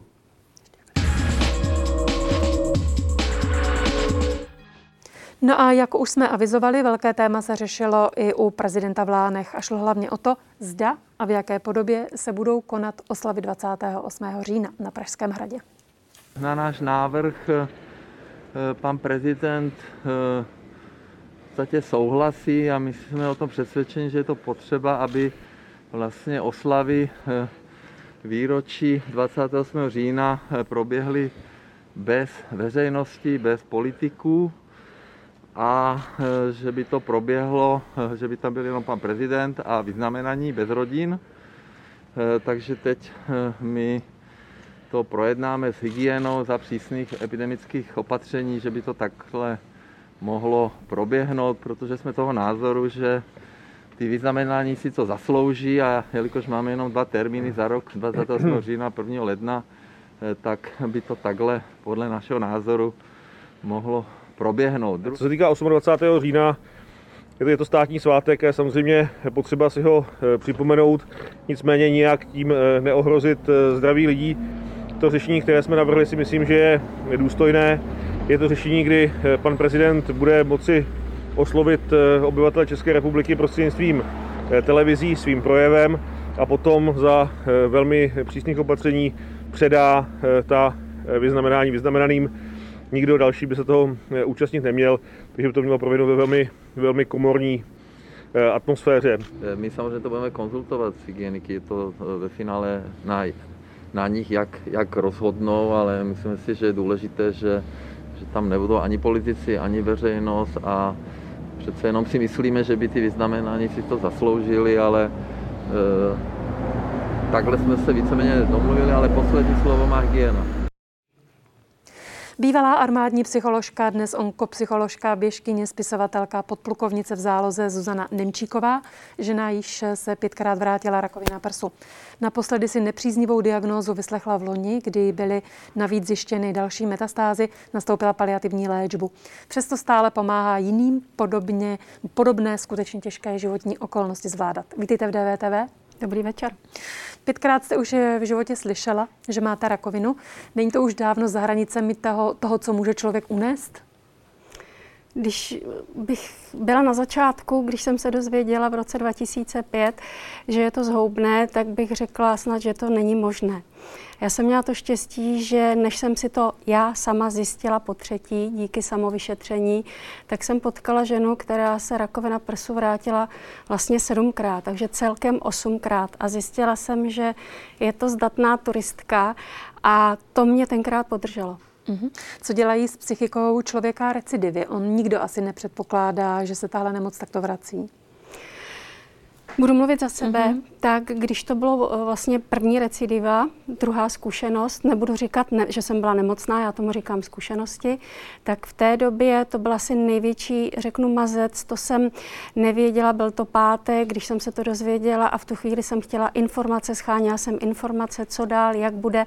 A navíc v té době jsem odcházela do civilu a představovala jsem si nástup do toho svého civilního života jinak tak to bylo zvláštní. A já jsem opět chtěla zabojovat. Jenže díky třetí zkušenosti jsem zjistila, že s kým bych bojovala. A to bylo asi to moje největší přijetí. Je to tak, jak to je. A já jsem si uvědomila, že kdybych opravdu opět bojovala a boj s rakovinou je nerovný, tak eh, by musel být někdo vítěz a někdo poražený. A v tu chvíli to byl takový myšlenkový proces. Mně napadlo, že jediné, když to nemohu změnit, musím to přijmout. Vy jste velmi aktivní. Běháte běžecký seriál Rantour, pomáháte ostatním v řadě projektů s lektorkou zdravého životního stylu. Napsala jste knihu o svém příběhu s rakovinou, abeceda zvládání rakoviny, opakovaných recidiv a metastáz. Taky medikomixy teď eh, propagujete, pracujete a s nimi. dokonce ho mám sebou. Tady. Tak možná můžeme se chvilinku podržet eh, u něj. To je teď aktuální váš projekt, se kterým Pracuji, spolupracuji ano, ano. s firmou Roše, ano.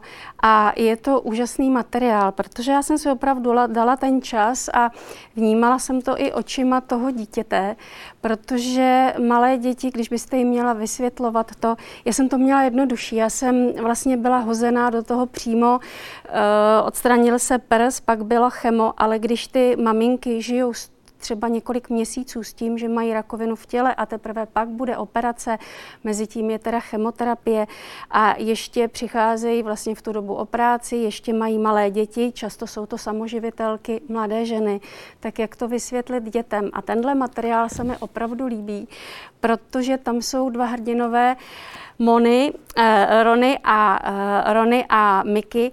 A tady ty superhrdinové jsou skvělí, že tomu dítěti pomohou toto vysvětlit, že oni za to nemůžou, ale vysvětlí... Že nemůžou za to, že maminka, že maminka onemocněla. onemocněla. že vlastně oni nezlobili a díky tomu se to stalo. Opravdu si některé děti tohle eh, myslí? Právě, že ty děti mm-hmm. nechápou, co se mm-hmm. děje, ale vnímají ty energie. Když se rodiče hádají, tak eh, se jim nemusí vysvětlovat, že se něco děje. A tady se mohou identifikovat třeba s těmi superhrdiny a hlavně jim může rodič vysvětlit, co se bude dít. No a teď se vrátím k vám. Spousta, spousta aktivit. Nebere vám to sílu? Nevytváříte na sebe velký tlak? Ono, mě už je 8,50, takže když to všechno schrnete dohromady, tak si řeknete, buď je IT, e nebo není normální. Ale ono to šlo postupně. Takže já jsem postupně tyto role získávala a třeba je teď je tu poslední běh, který byl právě 26. září a já jsem chtěla jít rychlochůzí. Jenomže já buď můžu jít pomalu, rychlá chůze mi nejde, a nebo v tu chvíli mi bylo tak nádherně protože když člověk chce přežít, a budu teď mluvit za sebe, mm-hmm. přežít do posledního týdne poslední závěrečné chemoterapie, tak to jsem si já zkusila asi v roce 2015, kdy opravdu chřipková epidemie, já chtěla přežít. A ten týden jsem byla tady v Praze, doma, když jsme tu bydleli a ten týden byl neskutečný, protože přežít je málo a když jsem byla taková depresivní troska, tak manžel v neděli, den před tou chemoterapií, kdy já dojíždím, jsem dojížděla do svého centra Chomutov, tak uh, mě vyhnal, aby jsme šli běžet. A já jsem zjistila, jak mi to dělá dobře na lymfu, na otoky, na psychiku.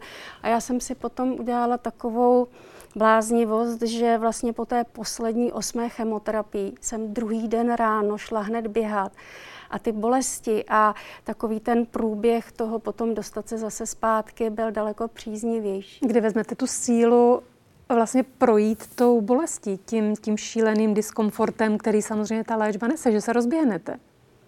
To je to, když se rozběhnete, musíte nasadit tenisky, oblíknout se a jít před ten dům, protože doma nic nevysedíte. Doma je člověku jak říká pan Radkin Honzák, člověk ne, ne já. Doma mi, je, doma mi je jinak, doma mi je hůř. Když to, když dokážete se zmobilizovat a vyjít ven, tak tam venku už je to úplně o něčem jiným, protože je tam interakce s lidmi, musíte se skulturnit, musíte se ustrojit. A já jsem od té doby, kdy jsem eh, zvládla to své depresivní období a nechala jsem si i pomoci. Takže si dovolíte někdy být slabá? Určitě, já jsem byla vždycky taková, tak jak jste to i jmenovala, žena hrdinka, protože... Stále jsem... silná pro ostatní. Ano a já jsem dneska už měla s vámi jeden rozhovor v noci, protože vaše krásná kniha se mi včera dostala do rukou. No to je krásné. Takže moc se mi to líbilo. Jste si popovídala. Ale já jsem si v noci povídala ve snu s vámi a představte si, že jsem se pro kolem půlnoci probudila a tam mi to došlo. Já jsem, to nebylo o dokazování, o čem bych teď chtěla mluvit, že jsem dokazovala mužům, ale v té době já jsem najednou přišla na to, kdy poprvé opravdu, kdy ta rakovina u mě začala bujet. Já jsem od 19 let sledovaná, to jsem netušila, že jsem brca pozitivní, ale v mé generaci žen to bylo. A te, jako ta rodová linie tam byla vždycky. Babička odešla ve 36, maminka ve 48, tenhle boj nezvládla. A já v té době, jestli to můžu tak jako zabalit, co se dělo, byla jsem rozvedená, státnicovala jsem z psychologie a já jsem byla takový ten vzletný psycholog, neříkám psycholožka, protože jsem měla e, napsáno jako psycholog v té armádě a v té době se mi místo zrušilo. A stala jsem se velitelem baterie velení a řízení a přesunuli jsme se ze Šace do Strakonic. A když jsem měla vojáky základní služby, bylo to kouzelné, líbilo se mi to, práce mě bavila. A v tu dobu já jsem dokazovala zase, byla jsem hozena do více rolí. Já jsem, jak byla velitelka jednotky, tak jsem byla, vlastně jsem měla na starosti eh, dozorčího roty, kterého jsem školila i v rámci těch příprav, i jsem měla stráž, i jsem měla zbroják pro celý útvar, ale nazvalo se to tak, aby to byl rotní. A starala jsem se o to já, do toho studium, do toho dětí jinde, ale mě to bavilo, mě to naplňovalo. Pak přišla ale profesionální armáda, bylo to něco jiného, mezinárodní cvičení. A v tu dobu já jsem zjistila, že to už je přes rámec toho.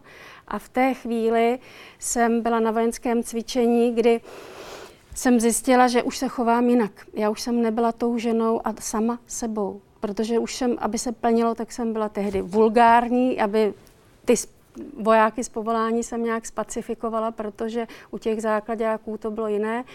A mě to pomohlo, jak jste se mě zeptala, a co se stalo? Mně v té době přestala fungovat štítná žláza, ale takhle se mi objevil nápis štítná žláza a já jsem eh, vlastně začala, to tělo bylo na tom jinak a já jsem si tam uvědomila, že jsem se přestala smát, nebyla jsem sama sebou a v té době jsem i to ženství dala trošičku jinam. Takže byste řekla, že eh, ta zkušenost, nemluvíte o tom jako o nemoci, že ta zkušenost eh, vás eh, provedla právě na druhou stranu toho, kdy jste přestala vnímat sama svoje žvenství a sama sebe? Ano, sama sebe sama sebe, protože uh, vždycky, když jsem se cítila nenaplněná a vlastně bolela duše, ale k tomuhle já jsem všemu i dospěla každou tou zkušeností, další zkušeností, za kterou jsem vděčná a je to zvláštní, když to někdo řekne, protože uh, neumím pozv- nazvat to slovo jako prozření. V tu chvíli jsem si uvědomila, co jsem dělala špatně a kde vlastně to tkvělo a hlavně díky samovyšetření svého těla jsem si na to přišla včas. Takže to je i takový to, proč dělám některé věci a proč o tom mluvím, aby ty ženy eh, byť chodí na kontroly, ne, že by ty přístroje špatně fungovaly, ale vlastně ten růst některých nádorů, a protože jich je nesmírné množství, tak ty triple negativní rostou velmi rychle. A když ještě je tam genetická mutace, jako v mém případě, tak uh, musíme dbát i během toho vyšetření u lékařů sami na sebe a každý měsíc se samovyšetřit. Vy jste voják? Já nevím, vlastně se říká, bývalý. ano, ano, podplukovnice v záloze. Jestli se říká vojákyně. Vojákyně. Voj, voják, říká se vojákyně. v 18 letech jste vstoupila do Československé armády. Co vás do armády táhlo? To nebylo úplně obvyklé. Ženy v armádě navíc jste byla velmi mladá. V roce 1981 jste nastupovala za komunismu. Co vás tam táhlo? Já jsem to chtěla asi od dětství. Já jsem hrála ráda fotbal, já jsem si víc kamarádila s klukama, byť jsem dělala gymnastiku, ale já jsem to chtěla, líbily se mi uniformy a navíc můj brácha šel na uh, leteckou školu střední a já jsem mu záviděla, já bych šla okamžitě. Jo. On by pak chtěl se dostat zpátky, já tam chtěla okamžitě. A uh, to jsou takové ty náhody, co nejsou náhody. K nám ve čtvrtáku na ekonomku přišli náboráři a ta představa, že budu jenom v kanceláři, tam mě děsila. Říkám, jo, to chci. Hmm. Nemoc se vám byla poprvé diagnostikována v roce 2005. To vám bylo 43 let. V armádě jste byla po pauze zpět jako vojenská psycholožka u protiletadlového pluku Žadci. Měla jste skvělé životní období a přišla tahle rána. Já jsem měla pocit selhání, protože velitel čtvrté brigády rychlého nasazení mi dal šanci se vrátit do posádky domů a já bych najednou měla být marodná. Jak tohle jste zpracovala? Silná žena, na jejíž fyzickou stránku útočí ta největší slabost, tedy těžká nemoc. Myslím v době, kdy jste možná ten pohled sama na sebe měla jakby víc silovější, víc jste na sebe možná kladla ten nárok a pomalinku jste opouštěla, anebo se vám vzdalovalo ženství. To bylo právě, když jsem skončila tu funkci velitelky jednotky a pan eh, plukovník Opata mi dal šanci se vrátit zpátky k útvaru. Proto jsem měla ten pocit toho selhání, že já jsem tam byla velmi krátce, ale pak přišla jedna zásadní věta pro mne. Eh, když jsem s ním mluvila, s jeho zástupcem, tak on mi tehdy řekl, Zuzano, vyzdravte se, počkáme na vás. Pro mne to bylo jako závazek nevím, jestli, to, jestli se to dá popsat, ale v tu chvíli ano, se mnou se počítá.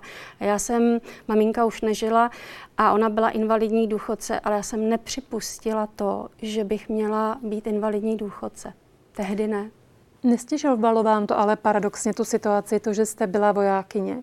Stále touha vlastně dostat hm, hodnosti, obstát mezi ostatními silnými kolegy, vojáky. To já jsem tak jako měla ten mhm. celý život, jak jsem říkala, ta žena hrdinka. Ano, armádní heslo, tam, kde jiní nestačí.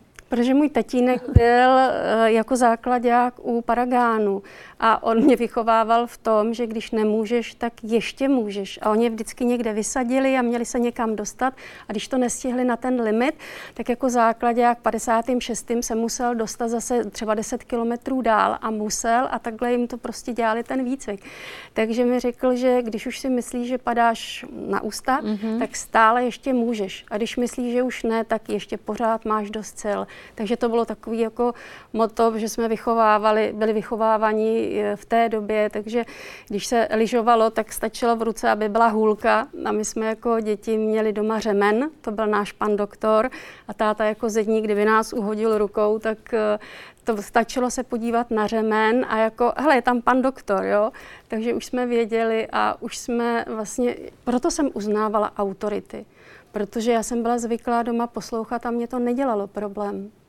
Pak se vás tam na to, jestli uh, tahle zkušenost, co byste poradila ženám, které uh, Nechci to žádným způsobem spojovat. Jen z toho vlastně, co mi říkáte, tak eh, věřím tomu, že um, řada žen se může dostat a vlastně i dívek, jakoby do situace, kdy se ocitnou pod tlakem velkých očekávání okolí, toho, že vlastně musíš za každou cenu a podobně. Co byste poradila ženám, pokud se dostanou do situace, kdy začnou cítit, že jim to něco bere, že jim to víc bere, než dává, že jim to bere ženství? Jak těmhle těm eh, silovým atakům, které třeba útočí na naše ženství, čelit? K čemu byste došla po vaší zkušenosti? Teď uh, mě napadly dvě myšlenky. Ona ta kniha, kterou já jsem napsala, není jenom o mém příběhu, ale vždy tam je takové to doporučení, jak ty věci jsem zvládala, co mi pomáhalo. A já jsem přišla k té své smetákové metodě, to je, abych měla narovnaná záda, tak uh, násadu od smetáku až za ramena. Další bylo uh, chvilku se sklidnit. A to já jako, já jsem byla velmi vždycky aktivní a hyperaktivní, takže se sklidnit, uvědomit si sama sebe. Takže já i po kurzu Mindfulness, který hodnotím jako jeden ze svých ne nejdůležitějších kurzů, tak velmi hodnotných, tak eh, se sklidnit, uvědomit si sama sebe, kde právě jsem a zaměřit se i na dýchání. Protože my, když jsme pořád jenom v nádechu, tak zapomeneme na to, že právě ta ženská složka by pro tu společnost měla být sklidňující, vlídnější, laskavější, láskyplnější, když to my ženy, ano, chceme se vyrovnat i těm mužům, máme takové možnosti, ale mezi tím si uchovávat tu vlastní ženskost. Řekla byste, že vás armáda vytrénovala i na tyhle osobní těžké situace? Připravovala jste vojáky na zahraniční mise, kurz komando, byla jste styčným psychologem pro zahraniční operace i z Afghánistánu, takže jste musela sdělovat i doma tragické zprávy. Mm-hmm. Dá se ale připravit na to, že jednou bude někdo sdělovat eh, těžkou zprávu vám? Na rakovinu se nedá a nic vás nepřipraví. Nedá se na to připravit dopředu, i když to víte z té rodiny, že tento měl, tento měl. Vždycky je to určitým eh, způsobem, já tomu říkám i challenge, jo. taková ta výzva. Ale já jsem eh, takový ten situační optimista a já jsem to měla vždy tak eh, v sobě, že každá těžkost je pro mě výzvou a ta výzva je vlastně přerod k něčemu, z čeho se můžete poučit, co může být pro vás lepší. Takhle jsem to měla nastavené. A uh, jestli, jsem, jestli mi pomohlo to, že jsem studovala psychologii, to, že jsem pracovala předtím jako psycholog, uh, to nemůžu, to je komplex všech těch faktorů, ale já už jsem na to byla taková ta odolnost, ta rezilience. My jsme na to byli jako děti připravováni i tím sportem. Já si myslím, že ten pohyb, sport a i ty tréninky, je to důležité v tom, že to v člověku buduje tu odolnost a uh, na připravenost na zvládání některých těch těžkostí. Vy říkáte, že o rakovině se musí v rodině mluvit. Vztahy jsou o komunikaci a pokud spolu lidé nehovoří, musí. Při rakovině spolu musí hovořit. Je to změna vizáže. Prach, prachy, žrádlo, o tom se bavíme, ale nebavíme se o takových základních věcech. Jak často se setkáváte s tím, že v rodině je nějaké komunikační embargo na tuhle nemoc? A jestli to někdy mnohdy taky není ochrana pro ty lidi, kteří v tom jsou, ochrana, kterou třeba blízcí potřebují. Každý se s traumaty vyrovnává po svém. I pro ně je to samozřejmě těžké a někdy je chrání to, že o tom nemluví mluví. Setkávám se s tím velmi, velmi, velmi často. A já navíc tady to je i uh, určitý uh, ten text, jak jste teď přečetla, tak je to i k tomu, že já jsem, protože píšu texty na inspirante.cz, uh, můj zaměstnavatel Revenium mi dal vlastně šanci pracovat a já jsem za to nesmírně vděčná, protože mě práce chyběla. Uh, a teď jsem eh, naplněná tím, že můžu dělat, co mě baví. A na tom Inspirante jsem asi před dvěma lety napsala o tom, eh, o sexu a milování onkologických pacientek. A ono to je i o tomhle, ono je to i o té intimitě, protože se rakovinou mění i tyto věci. A každý vztah je právě o komunikaci, o, těch, o tom intimním životě a je to velmi důležité. A někteří muži nebo jeho žena řekne, ale o tom by můj muž se mnou nemluvil. Ale když tam ten sex není a, a ti manželé se oddalují od sebe, musí o tom mluvit. Musí a v tom článku si myslím, že to je velmi dobře popsaný, tak jak jsem to cítila. Do té knihy už se mi nevešlo spoustu věcí. A když ti lidé spolu nekomunikují, to já nemůžu říct před mamkou, ona by to psychicky ani zdravotně nevydržela. Jo, dětem to nemůžou říct, tam to nemůžou říct. E, ti lidé si lžou sami sobě, pak se sebe obvinují, pak si připadají, ne, připadají nejenom tou rakovinou zbyteční, marní, eh, málo sebevědomí, neatraktivní, ale vlastně si ještě přidělávají tyto problémy. A já, protože o tom vím už léta, že takhle se eh, některé ženy schovávají, protože se třeba bojí pohledu, že nemají prsa. A i když je mají, mají ty epitézy, tak ale se bojí těchto pohledů. Já jsem byla voják a já jsem to těm klukům musela říct, protože jsem věděla, že já do té zahraniční operace nepojedu, ale připravuju je na zvládání bojového stresu a těch těžkostí. Takže na to jsem musela být připravená. A já jsem to proto takhle vysílala do světa. A znám spousta žen, který by takhle nešly. Ale už mám holou hlavu po třetí, jo. A když se zamyslím, tak je mi třeba teplo. A tak jako ta paruka není příjemná.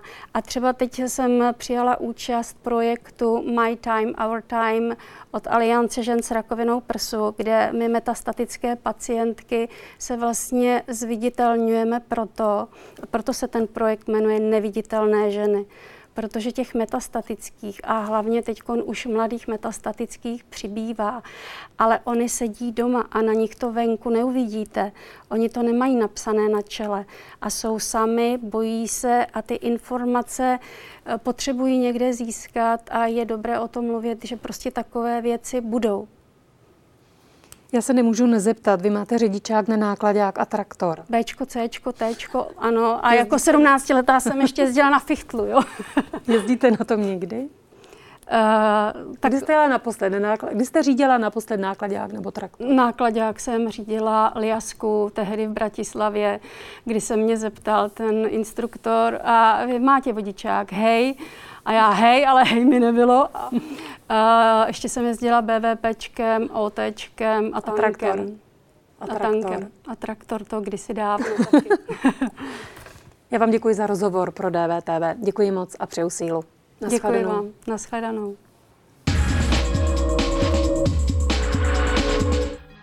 Je to všechno.